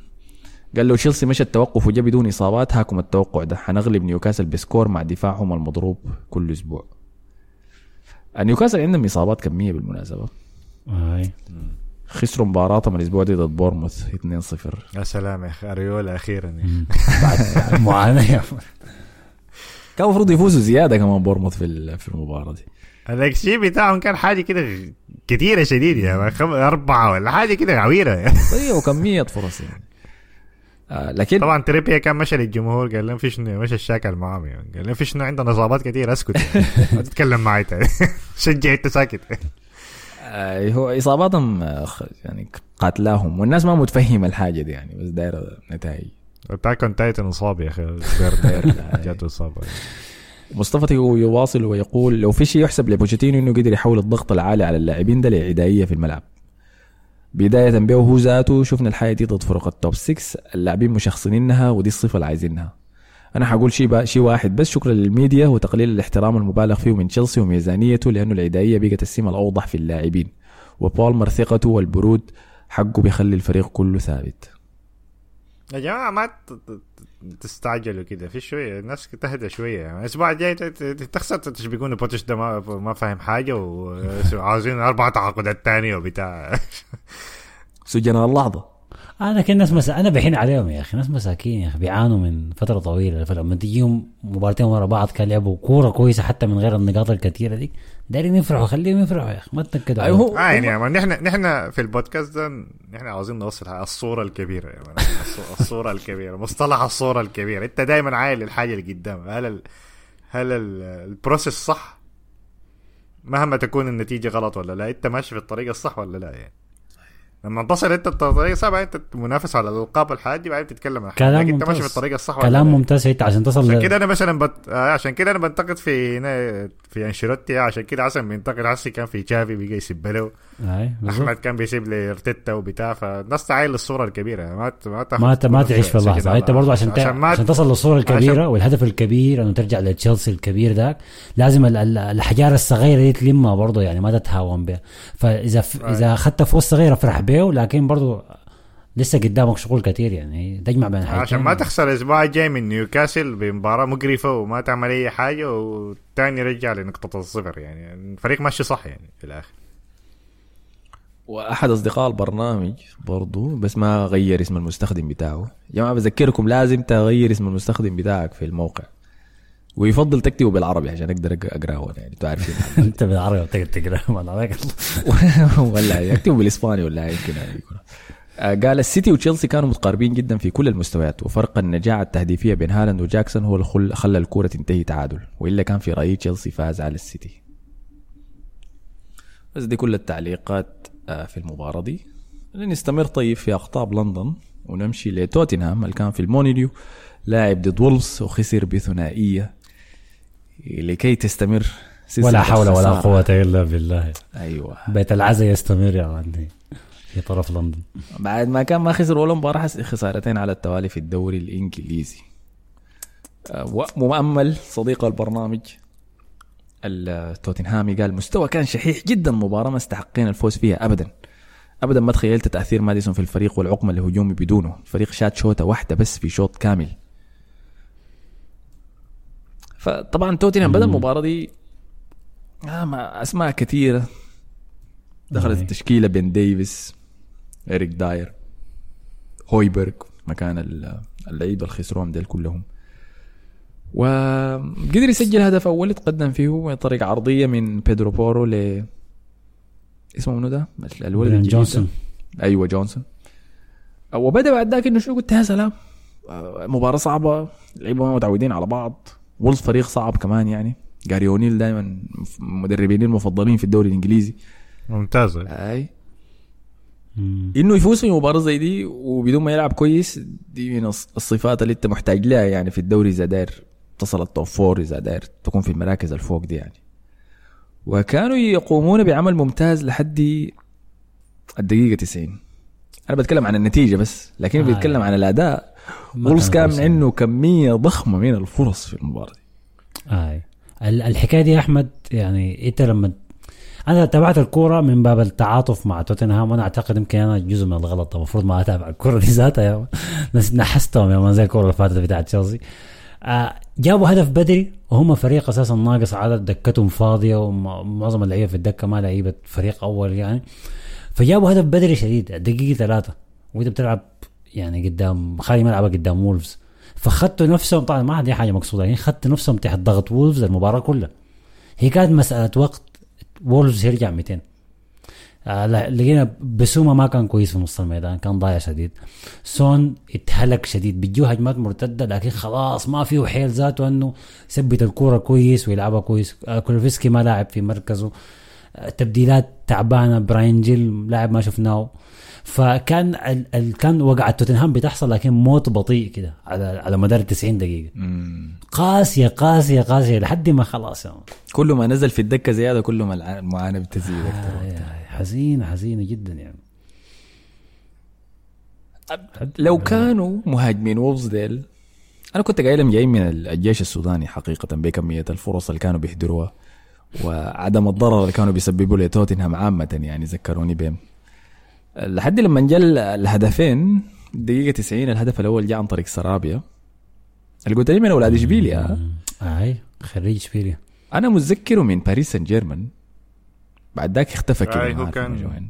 شو السرابي أظن من ما خريجين. خريج مدريد أول حاجة لكن ظهر مدريد، أيوة. ظهر في إشبيليا ظهوره كان في إشبيليا. مشى إشبيليا أيوه. بعدين مشى باريس سان جيرمان وحسي جاء وولفز طبعا هو لما كان دخل كبديل في المباراة دي عشان يقلب النتيجة لكن لما لما كان في إشبيليا كان كان أندية كثيرة عايزاه في إسبانيا ذاتها فقرر يمشي باريس. وكيت ال- الإعلام الإسباني قلب عليه شديد. أنت كيف تمرق باريس وتخلي فرصك هنا في إسبانيا؟ لاعب ممتاز شديد يعني وكان عنده فرص مع المنتخب وبدأ يخش في المنتخب لكن مشيت باريس كثرته. وسرجع للأضواء عن طريق وولفز. في المباراة دي خش كبديل وشوفنا العجب العجاب على الجهة اليمين يعني. جناح يمين لمسته نظيفة شديد على الكورة. أيوه. حتى الهدف يعني لما يتسلل لوسط الميدان كورة كانت جاته عرضية من الجهة الشمال لمسة أولى وتسديدة بعد ذاك في القائمة القريب. ممتازة عديل كده. آه والهدف الثاني الصناعة بتاعته الباص اللي لعبه لأكونيا ده مهاجم. وصل مجنون عديل كده. فغير المباراة بس بدخوله ده ونحسب ده له ونحسب ده لجاري أونير بالطبع قدر يستخدمه يعني. آم، مهند الهادي قال ومن هنا أعتقد بدينا نشوف نهاية فورت اللبن حق توتنهام المنافسين على اللقب. في رأيكم يا شباب هل خسارة توتنهام كانت بسبب تعدد الإصابات ولا بسبب آخر؟ رايكم شنو؟ طبعا أكيد الإصابات. الفريق ما, ما نص لعيبته ما في شيء يعني. أكيد الإصابات والطرد والايقاف والحاجات دي كلها أثرت على توتنهام كثير يعني. الكورة اللي فاتت إحنا تكلمنا عنها بالتفصيل الحلقة اللي فاتت اللي حصل فيها شنو؟ لكن الكوره دي الفريق ما كامل وما جاهز ذاته إنه يلعب كوره يعني. لحسن حظه مثلا إنه عندهم توقف دول أسبوعين على الأقل يقدروا يرجعوا بلاعب لاعبين من من حي من- ويتمرنوا ناس الاحتياط ديل على الأسلوب آه ده يعني. وكل ينعزلوا شويتين كده كل واحد يمشي كهف ولا يطلع جبل يا مان. يصحصح شويتين. كل ما كل ما حرجعوا لحد راس السنة يعني. ماديسون وفان فان ديفن. ديفين اثنين حرجعوا راس السنة 2024 ده معناه كده كمية أيوه ده معناه ال Boxing Day كمان الكور كثيره دي هتكون كور كثيره حتضيع منهم يعني. آه. فحينزلوا كثير أيوة الفترة الجاية دي. طيب آه، تاني عندنا شنو؟ مؤمل يستمر وقال أزمة آه، الأزمة الحالية اللي يمر فيها الفريق كمان أصعب جدول له في أيام البوكسينج. صحيح. وهو داخل بدون قلوب دفاع أساسية وماديسون وده الشيء المزعلني. والله يا أخي أنا ما قلت لك يا مؤمل الفريق ده بيذكرني شديد بأرسنال 2021 2022 وكان لما تجينا ثلاثة إصابات بس للأساسيين لأنه ما كان عندنا دكة كان بنخسر ثلاثة مباريات ورا بعض أربع مباريات ورا بعض. أنا شايف بوستي والله مدرب كويس يعني حتى مع الإصابات دي حقول لك ما متشائم شديد. الفرق ال- المفروض تغلبها دي شايف ممكن تغلبها يعني حتى المباراة دي بس لما دخلوا ناس آه، جيل براين جيل والعباد ال- العشوائيين ديل حتى المستوى تدهور شديد يعني. لكن آه، ممكن ممكن يطلع منها من نتائج. فما ما. أنا بكره ملعب وولز ده وولز جاب رؤوس كبيرة في الملعب ده بالمناسبة السنة دي. يعني غلب السيتي وغلب ليفربول. وحسي غلب توتنهام. فقاعد يجيب ال top ال top 6 ده قاعد يصطاد فيهم واحد ورا التاني الثاني. طيب محمد كان علق في موضوع التزام بوستيغوغلو بمنهجه في المباراة اللي فاتت دي تشيلسي الحفاظ على الخط العالي بالرغم من الطرد. قال الموضوع ده أخذ أكبر من حجمه. في النهاية طرد اللاعبين دي حالة استثنائية ما بتحصل كثير عشان كده ايا كان أسلوبك شنو في حالة زي دي ما حيكون وضع متكرر لما يعملها فهو زي قال شنو دي ما موضوع ما محتاج تحليل عميق كده لأنه ما بتتكرر كثير لاعبين يطردوا طيب خلينا دي كان كل التعليقات عن توتنهام. وأما الكتب كلام كثير يعني أنا قريته لكن مسكين يا محمد يا أخي. آي حسيت به يعني حسيت به أنا شفت لما بوست لما بوستي كان آه، بعد ما جاء الهدف الثاني والكاميرا على بوستي كده وجا وراه كانت صورة سينمائية ممتازة جدا يعني. آه، وراه جماهير وولفز بتنطط وبتكورك وهو كده بيعاين خات يدينه في جيبه بيعاين في الواطه وكده والنتيجة فوق. يا أخي حاجة حزينة. يحنن عمك الكبير. خلينا نستمر طيب في أقطاب لندن. نمشي للقطب الثالث نمشي لأرسنال. في ملعب الإمارات الفاز بثلاثية على بيرلي. الأسبوع اللي فات طبعا أرسنال خسر بعد قرار مثير للجدل ضد نيوكاسل.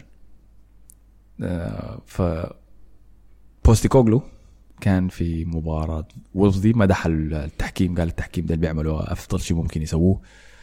وطبعا بوشيتينو كان بعد مباراة السيتي دي.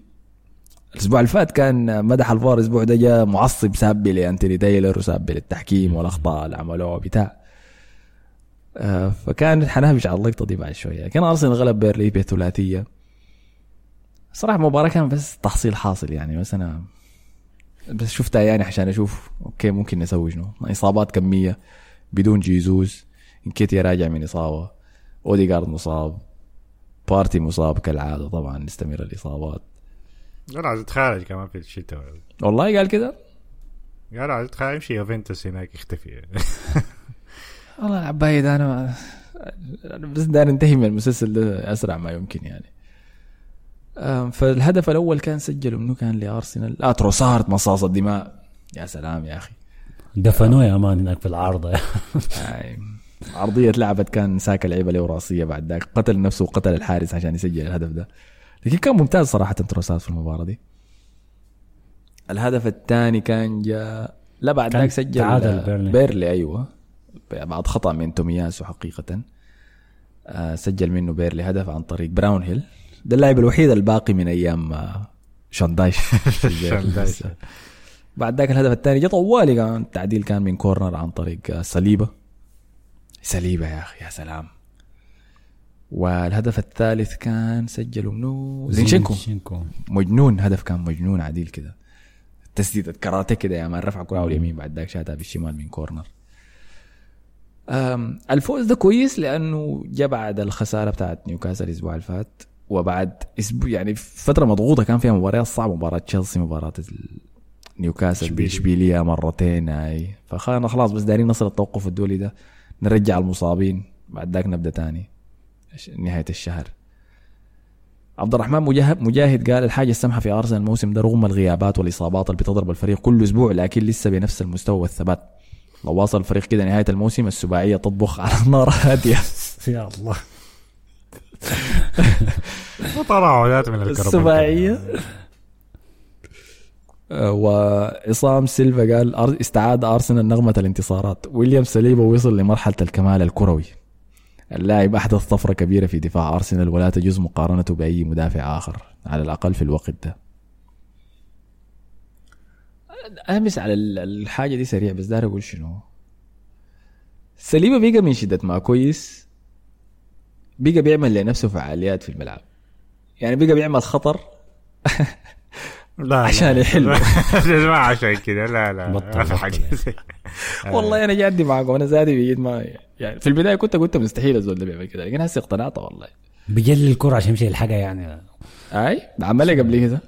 آه تاني كان عمل شنو؟ كان في لقطة كده. زينشينكو لعب له باص سيء خلاص كويس. كان من رملة يد وبيرلي ضاغطين قام زينشينكو لعبها له في الهواء وهو مضغوط في حاجبه كويس؟ قال له أمسك اتعامل مع الكورة دي مان. برونو فرنانديز. من مدرسة برونو فرنانديز. سليبو مسكها نزل اللاعب ضاغطه وقام لبس اللاعب ضاغطه جلابية لف يمين الم- المهاجمين الضغطوا لهم كلهم لفوا يمين قام بعد ذاك باصها لجابرييل ورا. أنا قلت يا سليبي أنت ليه ليه بتعمل كده؟ ليه؟ الموضوع الكورة دي كان سهل شديد إنه بس يلعبها قدام يعني سريع من أول لمسة لوسط الميدان. لكن ليه لازم تبهدل الناس دي كده؟ وبعد ذاك لما جو سجل الجون في حق التعادل ذاك ولا التقدم مباشرة ختم مباراة مثالية أخرى منه يعني. ما في شيء أقوله عنه والله. ال- ال- الولد ده أنا كنت قايل ساكا أحسن لاعب عندنا. وهو اللي زال في رأيي أحسن لاعب عندنا. لكن نتكلم بس عن ال- ال- الموهبة اللي بيتولد بها بس الزول بس تجيه كده يعني. السليبة عنده لا لدرجة إني بديت أحس إنه هو ده هو أول واحد حيجي فريق يقلعوا مننا. للدرجة دي يعني. لأنه ما في لاعب تاني أنا شايفه ما في مدافع تاني قلبي دفاع أنا شايف فيه الخصائص الموجودة في سليبه دي. ما في. كويس كويس. خليه يتألق كده يا مان عشان سعره يزيد. عشان آخر الموسم يتباع بمبلغ محترم. فعلى نقطة التحكيم أمير بابكر قال أرتيتا في المؤتمر حق المباراة قال أسألوني عن الفار. فعلا كان مقابلة. الصحفي جه سأله قال له ها فوز آه، ممتاز على بيرلي رأيك شنو بتاع قام قال له اسألني عن الفار. قال له في شنو يعني؟ قال له ما ممكن أنتوا بس تيجي تسألوني عن الفار لما الفار يعمل مشكلة ولا خطأ. ما تسألوني عنه لما يقدم أداء كويس. قام قال له رايك شنو؟ قال له كان ممتاز. كان رائع. عمل كل شيء صح قراراته كان ممتاز. ما مهم. يعني كان في كرت أحمر اخذه اسمه؟ فابيو فيرا في المباراة دي. تدخل غبي يعني لكن كان صحيح يعني استحق الطرد. آه فبس.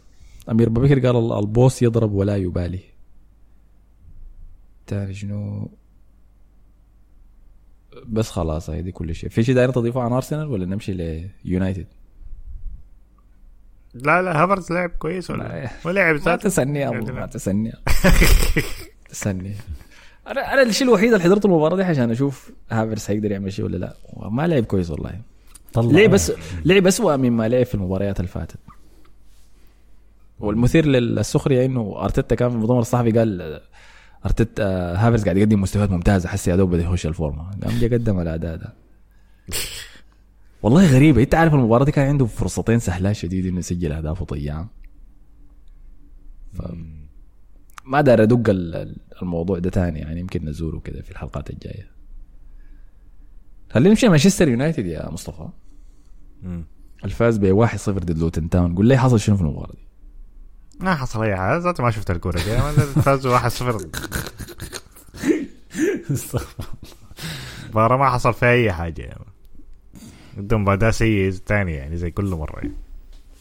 فازوا بجول من ليندلوف في اخر آخر 10 دقائق أظن ولا آخر كم ما أعرف. اخ يا الله لكن القصة ما يعني القصة هناك في كان في منتصف الأسبوع في مباراة كوبنهاجن. لما آه كانوا كانوا متقدمين 2-0 مم. وبعدين جا راشفورد يا مان عم ارتكب له جريمة وقتل واحد كده وادوا طرد أنا شفتها لقطة قاسية دي خلاص يا أخي. ظلموهم فيها والله. ابدا ما شفتها كرت أحمر. آه، هو الحصل إنه راشفورد كان بيحاول فاز بالكورة يعني وكان بيحاول يحميها. فتح يدينه وكان بيحاول يحمي الكورة يتحرك. فأثناء ما هو بيتحرك قام عفص واحد من لعيبة آه، كوبنهاجن ديل في كاحله فقام الحكم اداه أحمر يا أخي. يعني قاسية شديد. مشى شافها في الفار لقاها اي أحمر. اداه هيك الأحمر. فقاسية جدا جدا جدا. ففي الوقت بدل الضايع في الشوط الأول ذاته تعادلوا كوبنهاجن دخل لهم جولين كلها الشوط. الأول بس يتعادلوا صح؟ هاي. الشوط الثاني جاء برونو فرنانديز دخل الهدف الثالث. جرناتشو مشى جري الجمهور قاعد يقول لهم اسكتوا بتاع ما عارف إنها تجي مصيبة بعدين يعني. بعدين جت تعادل من كوبنهاجن. فازوا كمان فازوا أربعة كان- أنا ما ثلاثة. اتذكر ذات المباراه هاي دخلوا جول أنا متذكر جولين كان كرفسة كده في نهاية المباراة. فازوا 4 3 وبعدين خطأ من فاران صراحة. ما تعرف قاعد يمشي الاستلام الكورة بتاعته. فاران ده رجوله طوال يعني ما تشوت له كوره فوق. فوق الركبة. والله ما بيقدر. ما بيعرف يتصرف معاها فما قدر يشتتها. جت غلط كده. ذاته شكله مصدي. يا man فجا الجول من كوبنهاجن بعدين فازوا هسي مانشستر يونايتد رابع على الترتيب. والاسوء من كده المدرب بتاع كوبنهاجن طلع قال دي اسوء مباراة نلعبها في الدوري الابطال يا الله. الغريب في الموضوع فالوضع فالوضع ما بيتجازف يا man. دي يا أوروبا ليج يا برا. لأنه عندهم مباراة مع بايرن ميونخ بايرن ميونخ المدور ما المدور يكون المنتهي اللي كان لعبوا معاه في أول مباراة في المجموعة دي. بايرن ميونخ بقى أحسن بكثير يعني. المباراة في أولد ترافورد اللي ما فرق الصراحه أولد ترافورد ولا بيتكرفسوا في الحتة دي مانشستر يعني. فمباراتهم ضد جالتا سراي برا ملعبهم. فأنا ما أعرف صراحة يعملوها كيف؟ لكن ما شكله شكله ما حيطلع من المجموعة دي. أنا ما أعرف إذا حصل في مدرب قريب طلع من المركز الرابع في المجموعات ليونايتد. إذا كان مويس ولا فان خال كلهم بيمشوا اليوروبا ليج ما بتذكر صراحة. لا لا في زول فيهم اخذ الرابع قبل كده. لكن يمكن يمكن من مصلحتهم إنهم ياخذوا الرابع برضه ما يخشوا يوروبا ليج اليوروبا ليج ده ده عقاب يعني. اداء كعب أداء كعب وتاخذ لك مباراة في نص الأسبوع زيادة كده. ما من أي فائده هو هو يونايتد لهم فترة. حتى مع فيرجسون كان مرة طلعوا الثالث بتاع المجموعة مشوا اليوروبا ليج حتى مع فيرجسون ذاته يعني. فلهم فترة طويلة كده ننزل أصلا معلقين كده يعني. في أظن تأهل سنة واحدة وبرشلونة قد غلبوهم كان 3-0 في الإياب ولا حاجة زي كده كان في دوري 16 آه قبل الكورونا دي أعتقد. آه لكن لهم فترة كده طويلة بيطلعوا من دوري 16 يعني ننزل من من دوري المجموعات يعني. حتى مع فيرجسون لما طلعوا مشى مشى اليوروبا ليج مشى لعبوا مع بلباو بلباو كرفسوهم كان كرفسه كده كعبة شديد كانت يعني. حتى مع فيرجسون يعني ف الشكل السنة دي برضه ما أعرف يا, يا يوروبا ليج يا برا. أحسن لما يطلع برا أنا شايف برضه يعني أحسن لما يكون عندهم أي منافس أوروبي. فاران لما دخل في كرة كوبنهاجن دي كان زعلان قالوا حتى أونانا اضطر يمشي ويهديه يعني إنه هو هو ما كان داير يلعب أصلا يعني. فقام كويس يا فاران قام أونانا مشي يهديه. آه، فيبدو إنه في مشاكل بينه وبين تين هاج مشاكل أيوة. أيوة. آه. وبعد ذاك ده ترجم بوضوح أكثر لما جات مباراة آه، لوتن تاون وما بدأ فيها أساسي بدأ بليندلوف إيفنز. مكانه هاي آه ليندرز و ان شاء الله دي أنا أنا ما حسي ما دار أتكلم في موضوع فران لأنه هبشت عليه كثير لكن الشيء الناقص في الفريق ده هو قلب دفاع أيسر يساعد في البناء السبب اللي هو ما لعب فيه فاران الناس عشان ما تقفز لتوقعات أيوه فاران زعلان إنه ما قاعد يلعب لكن هو داير يحافظ على هاري ماجواير في الفريق ده لأنه حقيقة مما هاري ماجواير خش الفريق قاعد يقدم أداءات كويسة أسبوع تلو الآخر مم. اداؤه كان كويس ضد كوبنهاجن واداؤه كان كويس ضد لوتن تاون برضه وحتى ضد السيتي يعني في المباراة اللي اتغلبوا فيها دي كان شايف أداء ماجواير كان كويس. هو مشكلتهم ما مع ماجواير لكن مع إيفنز هم ما ده القصد لك. ماجواير لما فاران يلعب بيضطر يلعب كقلب دفاع أيسر. أي أنا فاهم عليك لكن أنت ما عندك ال... عندك إصابات كثيره انه الموضوع الايسر وايمن أنت المفروض ما يخالف معك أنت المفروض تختار الأحسن يعني عشان يلا المشكلة وين؟ هو بيستخدمه كقلب دفاع أيمن ماجواير ممتاز جدا في تحويل الكرة من طرف لطرف آخر وللتمرير بين الخطوط بتاعت الفريق المهاجم. فعشان كده داير يثبت ماجواير في المركز ده. لكن فاران لو خش قلب دفاع شمال ما بينفع إلا يلعب قلب دفاع يمين بس. فعشان يحافظ على التوازن ده قال خلاص خليني أفضله في مكانه. فاران بيعلي الموضوع ده نظام أنا أحسن من ماجواير. كيف أنت تخلي ماجواير في الفريق لسه؟ فما أخذ الموضوع بصورة شخصية. أنا شايف كلام راف راجنريك مع إنه ضحكنا عليه كثير وكده لكن لما قال إنه الفريق ده محتاج عملية جراحية عملية قلب جراحية قال ما عملية تجميلية بس إنك تغير شوية حاجات لطيفة كده. لا لا محتاج عملية آه الفريق ده محتاج لكده مشاكل عدم الاتزان دي كلها مشاكل اللعيبة الكمية دي. التعاقدات السريعة المدى دي حقت آه، فاران وكاسميرو والناس ديل وكاك وإريكسن ما بتنفع. فمحتاج تين هاج الموسم ده. أخير له منه يمرق من الشامبيونز ليج يمرق من اليوروبا ليج ذاتها مباراة واحدة في الأسبوع زي توتنهام. يبدأ يزرع مفاهيمه على اللعيبة ديل. يعني مثلا مكتومني كان مظلوم والناس كلها دايرة إنه يمرق. أنا شايف مكتومني حل ممتاز في وسط الميدان. وبرضه قاعد يقدم أداءات كويسة. ف أغرس تفكيرك في اللعيبة ديل حتى إذا ما كانوا حيكونوا أساسيين الموسم الجاي زي ماونت مثلا ما ما اخذ فرصة مع الفريق وجا دخل ضد لوتن تاون وقدم أداء كويس. أغرس مفاهيمك فيه عشان لما نيجي الصيف وتنظف اللعيبة دي وتجيب اللعيبة الدايرة تساعد الفريق الأساسي أكثر يعني يكون عندك قاعدة تبني عليها لكن تنهاج ما, ما كان عنده وقت في الموسم ده إنه يقدر يخطط لأي شيء. Champions League كاراباو Cup الدوري. ما ما ما okay ما لكن ما هو الموسم الأول لكن ده تاني موسم. الزول ده اخذ موسم كامل يعني. okay المشاكل دي مرة تانية. يعني أنا حاسس نفسي قاعد نرجع تاني لتشكيلة سولشاير بس بس شيء بس شيء دار أقول لك في في نقطتك دي. هم ضرّاهم إنهم جابوا ال Champions League في الموسم اللي فات يعني لو كان تنهاج الموسم اللي فات خلص في المركز السابع ولا الثامن كان على الأقل أخذ وقت كفاية. كان الناس توقعاتها كانت آه، مكبوته أكثر لكن بما إنه فاقت توقعات الموسم الفات يعني دي, دي ضريبة نجاحه هو ذاته. فاقت توقعات الموسم اللي فات جاب المركز الثالث الناس توقعت بناء على الحاجة دي. بما فيهم أنا ذاتي يعني أنا كنت مرشحهم للمنافسة على الدوري عديل كده. توقعنا القفزه الجايه للفريق انها تجي لكن لما جاء الموسم ده واكتشفنا إنه هو كان قاعد يبتكر حلول مؤقتة عشان يمشي بها الفريق في الموسم اللي فات والموسم ده لما حاول يتطور لأشياء بعد ما نجحت اتضح إنه لا لازم يبدأ من الأساس. فهمتني؟ عشان كده ضد الراو لكن السنة اللي فاتت دي المفروض تشفع له المفروض الناس تشوف الحاجات اللي هو سواها دي وتقول يا أخي المدرب ده بيقدر يعمل الحاجات دي. وهو ما زي سولشار يعني. سولشار ما كان عنده فريق كويس قبل كده قدر يأديه هو عنده أياكس.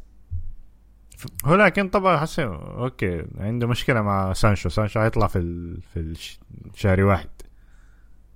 فابريزيو قال كده ما أعرف طلع له أخبار من يوفنتوس شكله طالع فن. والله ما أعرف سؤال منقلب. قال ماشي السعودية كمان. على كيف فقال ف أنا شايف سانشو لسه بدري شديد يعني فأنا شايف لو لقى له فريق أقل شوية في برايتون ولا حاجات دي يكون ممتاز بالنسبة له. أنا شايف كده غايته لكن ده موضوع تاني. حسي عنده مشكلة مع فاران. شوية بعد شوية هيخسر غرفة الملابس كلها بعد كده خلاص ما في ما بتتجازف بعد كده يعني. فدي مشاكل كثيره يعني. okay رونالدو نحن قلنا okay خلاص المشكلة في رونالدو. هسه برضه مع سانشو برضه المشكلة في سانشو. فاران المشكلة برضه في فاران. أنا فاران ده كترت كده معناها. خارجي ما, ما عندي أي مشكلة في الموضوع ده. آه سانشو أي برضه سانشو عنده مشاكل يعني احترافية عادي كده. خارجه برضه يعني ما مشكلة. لكن سانشو أكعب من أنتوني اللي أنت جبته؟ دي مشكلة. دي مشكلة ولازم يتعامل معها. طيب آه رامز عاصم قال والله أنا ما حضرت الكورة لأني في سفر لكن ما دام اليونايتد فاز في آخر دقيقة وبهدف واحد ضد فريق صاعد حديثا معناه إنه المفروض يفوز لوتن ما اليونايتد؟ رجعوا لنا سولشاير أو الإرهابي فان خال. والمصطفى يدافع عن الفريق وقال يدافع عن تنهاج بالتحديد قال لا يزال الشكل باهت رغم الفوز. فرص ولكن لا حلول. عدم الثقة ظاهرة على اللعيبة. أحسن شيء إنه الفوز على الفرق آه، أحسن شيء إنه الفوز على الفرق الأقل فقط لأنه لو فاز على فريق كبير كان حتجي الثقة الكاذبة. آه. أحسن شيء إنه فاز على فريق صغير يعني. لو كان لو كان فاز على فريق كبير كان حتجي الثقة الكاذبة وتغطي اللعيبة النصابين وتنهاج آخر مشاكل الفريق والإقالة ليست الحل. حسن برضو جاء وقال تنهاج أسرع مدرب يوصل ل 30 فوز في تاريخ اليونايتد. مع العلم إن أغلب الأساسيين مصابين. أداء سيء. نعم ووضع عشوائي لكن السبب هو أشباه اللاعبين. إيريك مع سير راتكليف سيتغير وتنهاج سيعود. okay. أمير بابكر قال بغض النظر عن أداء مانشستر يونايتد المؤذي للعين لكن هاري ماجواير ماشي يتحسن وبيقدم مستوى ممتاز. وعبد الرحمن زكريا قال والله العظيم أنا اكتفيت من العبط والقرف الكروي حق اليونايتد بس داير أعرف الغلط وين والحل كيف. غيرنا مدربين أشكال وأنواع وبرضه ما جات. دي حلوها كيف. تصبروا بس على تنهاج ده تستمروا معه. والصادق المدريدي قال أنا ضد أي حد. آه صادق ده قاعد يطبخ. أنا ضد أي حد يهاجم تنهاج لأنه مدرب كبير عمل من الفسيخ شربات مع أياكس. وجعل فريق مانشستر يونايتد اللي ما كان فيه لعيبة ويا داب جاب صفقات بحوالي 600 مليون بس وما جاب غير 14 لاعب بس. تنهاج الموسم ده في الدوري رغم إنه خسر خمسة مباريات من عشرة إلا إنه قدر يهزم بيرنلي وشيفيلد ونوتنغهام. الكاس عادي ده كاس صفيح أصلا. مظلوم هذا التنهاج. فدي كانت كل التعليقات عن مانشستر يونايتد. لكن المشكلة في الموضوع ده إنه زي ما ذكرنا مثلا بوتشتينو بوتشتينو ما كان عنده وقت أقل منه. ده ما بيخلي تنهاج شكله أكعب يعني. برضه الحكاية كان جايطة شديد يعني ما كان في أي أساس ما كان في أي حاجة هناك ذاته. أساس ذاته ما كان فيها أي لكن تنهاج حسن المركز السادس. هي لكن مستويات أنا بقول لك مستوى ذاته ما كان فيها مشكلة تنهاج الوحيدة بس إنه تعاقداته ما قاعد تحسن الفريق. okay دي مشكلة كبيرة شديدة. آه. أنت تختار تختار لاعبين إنك أنت كنت بتدربهم ذاته يعني ما إنه لاعبين profile وما نفع معك. ده لاعبين إنك أنت ذاته كنت بتدربهم هناك قبل سنتين. آه يمكن أنا عارف إنه هو وضع حساس بس يمكن الحاجة الوحيدة إنه ال- الجزء الأهم في الميدان اللي هو الوسط لسه هو ما ظبطه على الصورة اللي هو دايره لأن أنا شفتها في ارسنال مثلا لما كان عندنا لاكازيت في الهجوم مثلا كان عندنا ساكا ومارتينيلي وأوديجارد واللعيبة الهجوميين شديد. لكن كان عندنا لاكازيت فديل كلهم ما قادرين يشتغلوا لأنه لاكازيت كان سيء شديد يعني فالفريق كان حده بس هدف هدف هدفين بس في المباراة. كان كتير. كان عزانة كده بنفوز في المباراة بهدفين. جا خيسوس وبعد ده غير كل شيء. فيمكن بس ناقصاه القطعه دي. فريق بيلعب كويس لكن أرسنال كان بيلعب كويس. نشوف والله نشوف. طيب نمشي أخيرا وليس اخرا لليفربول اللي فاز بثلاثية على برينتفورد في أنفيلد. آه، صلاح طبعا سجل هدفين. وأنا قلت إنه الحاجة دي لأنه الكريسماس قرب فهو بيبدأ يتحمس يعني للموسم. وفي ساجي قال أنا متأكد إنه الأجندة حقت محمد صلاح دي بدا أحمد حقت الكريسماس. وفعلا احتمال كبير. لكن هي حقيقية هو كله كله شتاء أمانة الزول ده لما يجي الشتاء بيودع عديل كده. وممكن بيحب الشتاء يا جماعة ما بيحب الصيف يعني بس. آه، سجل هاي صلاح هدفين؟ سجل جوتا الهدف الثالث. آه نونز صنع الهدف لصلاح. في ثنائية كويسة يعني بادية بيناتهم بين الاثنين. وفوز ممتاز بس من من ليفربول حقيقة. برنتفورد كان عنده فرص يعني يحاول يتغذى على أخطاء آه ليفربول. لكن كانوا كويسين جدا دفاعيا. فان دايك متحسن شديد دفاعيا يعني. أي فان دايك متحسن شديد. كان عنده طلع له كورة من جوا أيوه مرقه من جوا الجون عنده باص ممتاز كده كمان لعبه لصلاح. كان ساهم في واحد من الأهداف دي. فأداءات كويسة شديد آه، منه المضحك في موضوع صلاح والكريسماس ده إنه أنا متذكر إن إحنا لما تكلمنا عن الموضوع نحن نوعا ما دافعنا عنه يا أخي. قلنا إنه ممكن بنته بتاعه يحسسها بالهناية. فنحن كنا بس انتقدنا الصورة اللي نشرها يعني, يعني قلنا ممكن يحتفل لكن فالناس ممكن ترجع الحلقة ديك يعني ما كان طبخ ساي كده يعني ما اختينا موضوع كده نكتة هو لكن كنا كان نقاش ظريف يعني زمان كده. ما ما في كلام كثير يقال حقيقة مباراة ليفربول الجاية ضد مانشستر سيتي في الاتحاد مم.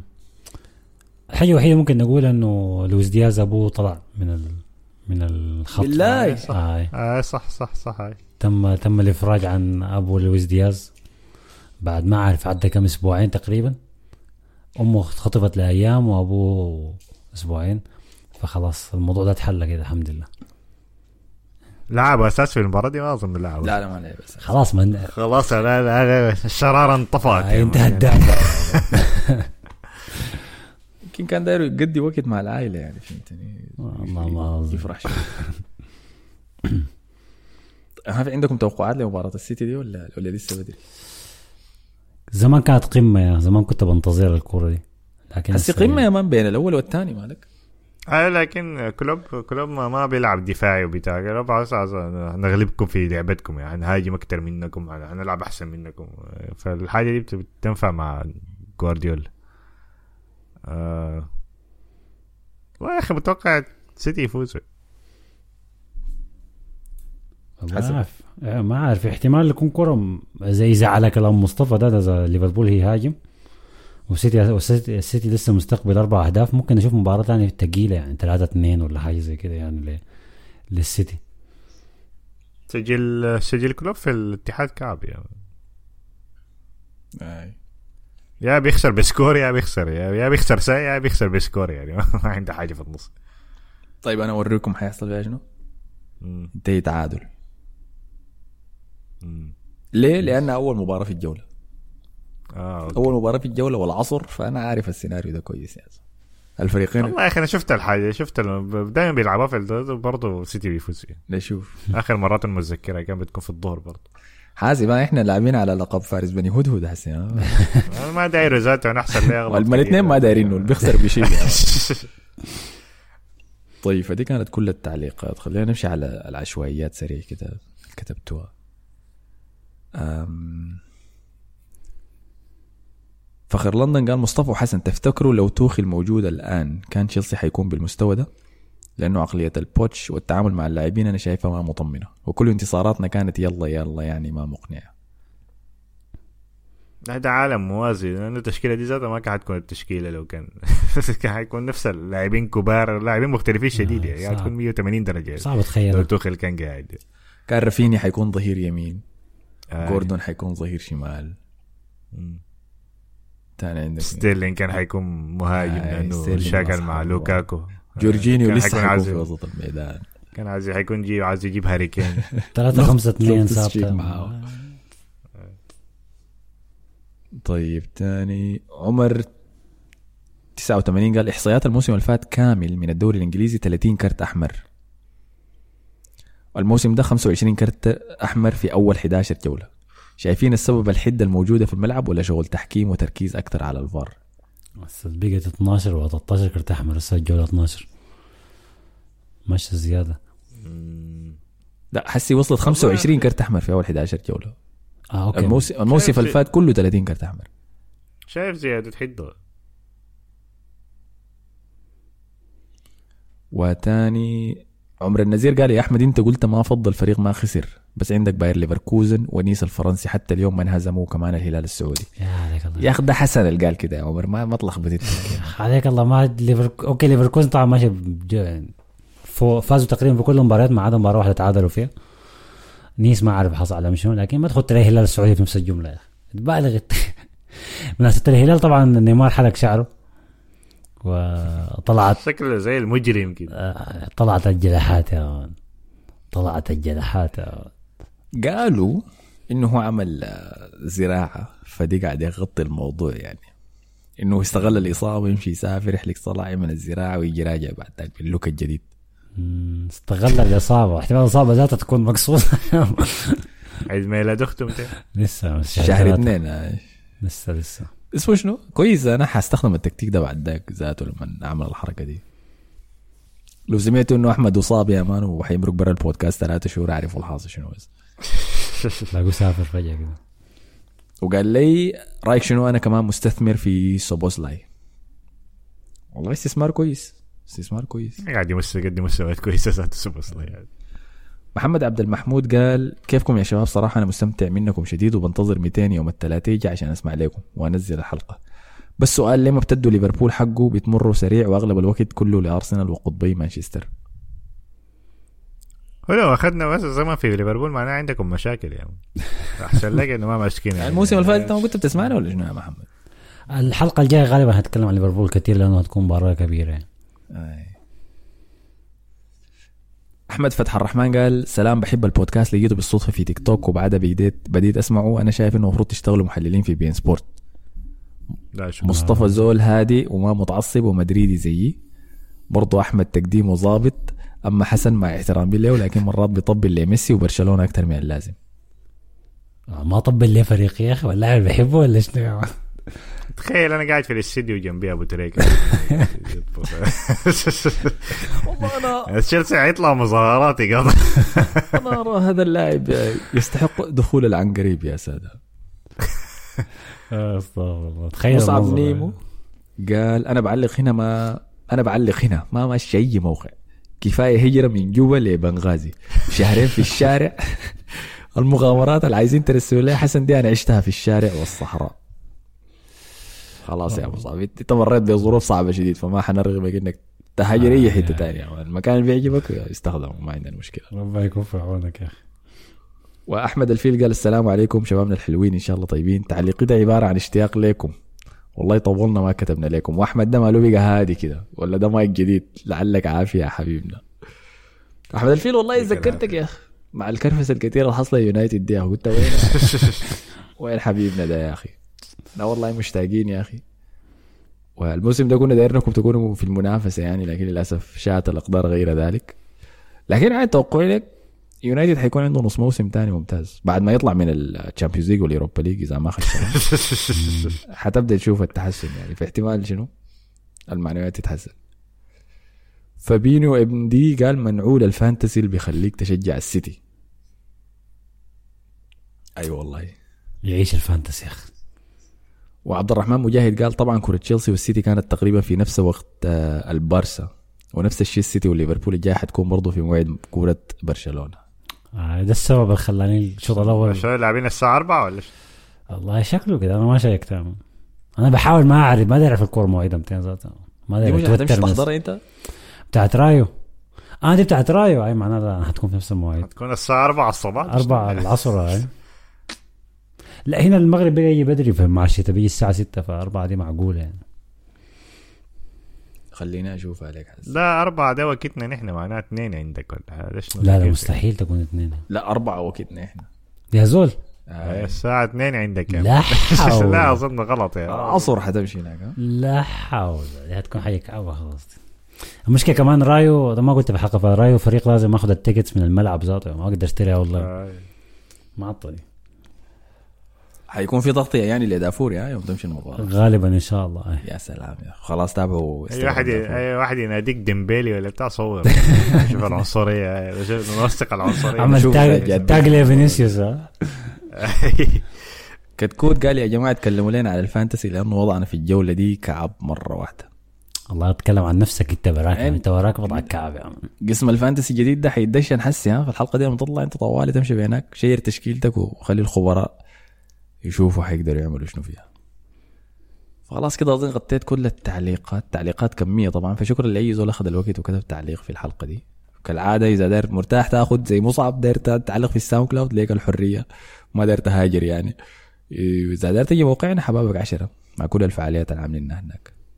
فعلى النقطة دي شكرا لك يا مصطفى. شكرا لكم. شكرا لك يا حسن. استمتعوا بالتوقف الدولي. يعني قلت لكم الأسبوع الجاي حيكون في حلقة واحدة بس ها فما تجوا وين الحلقة الثانية؟ وين دافوري إنجليزي؟ وين؟ ما في حلقة واحدة بس. ظريف.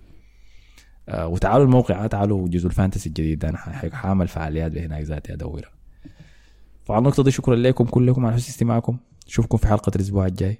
السلام عليكم. أسمع بودكاست دافوري على SoundCloud يا ناس.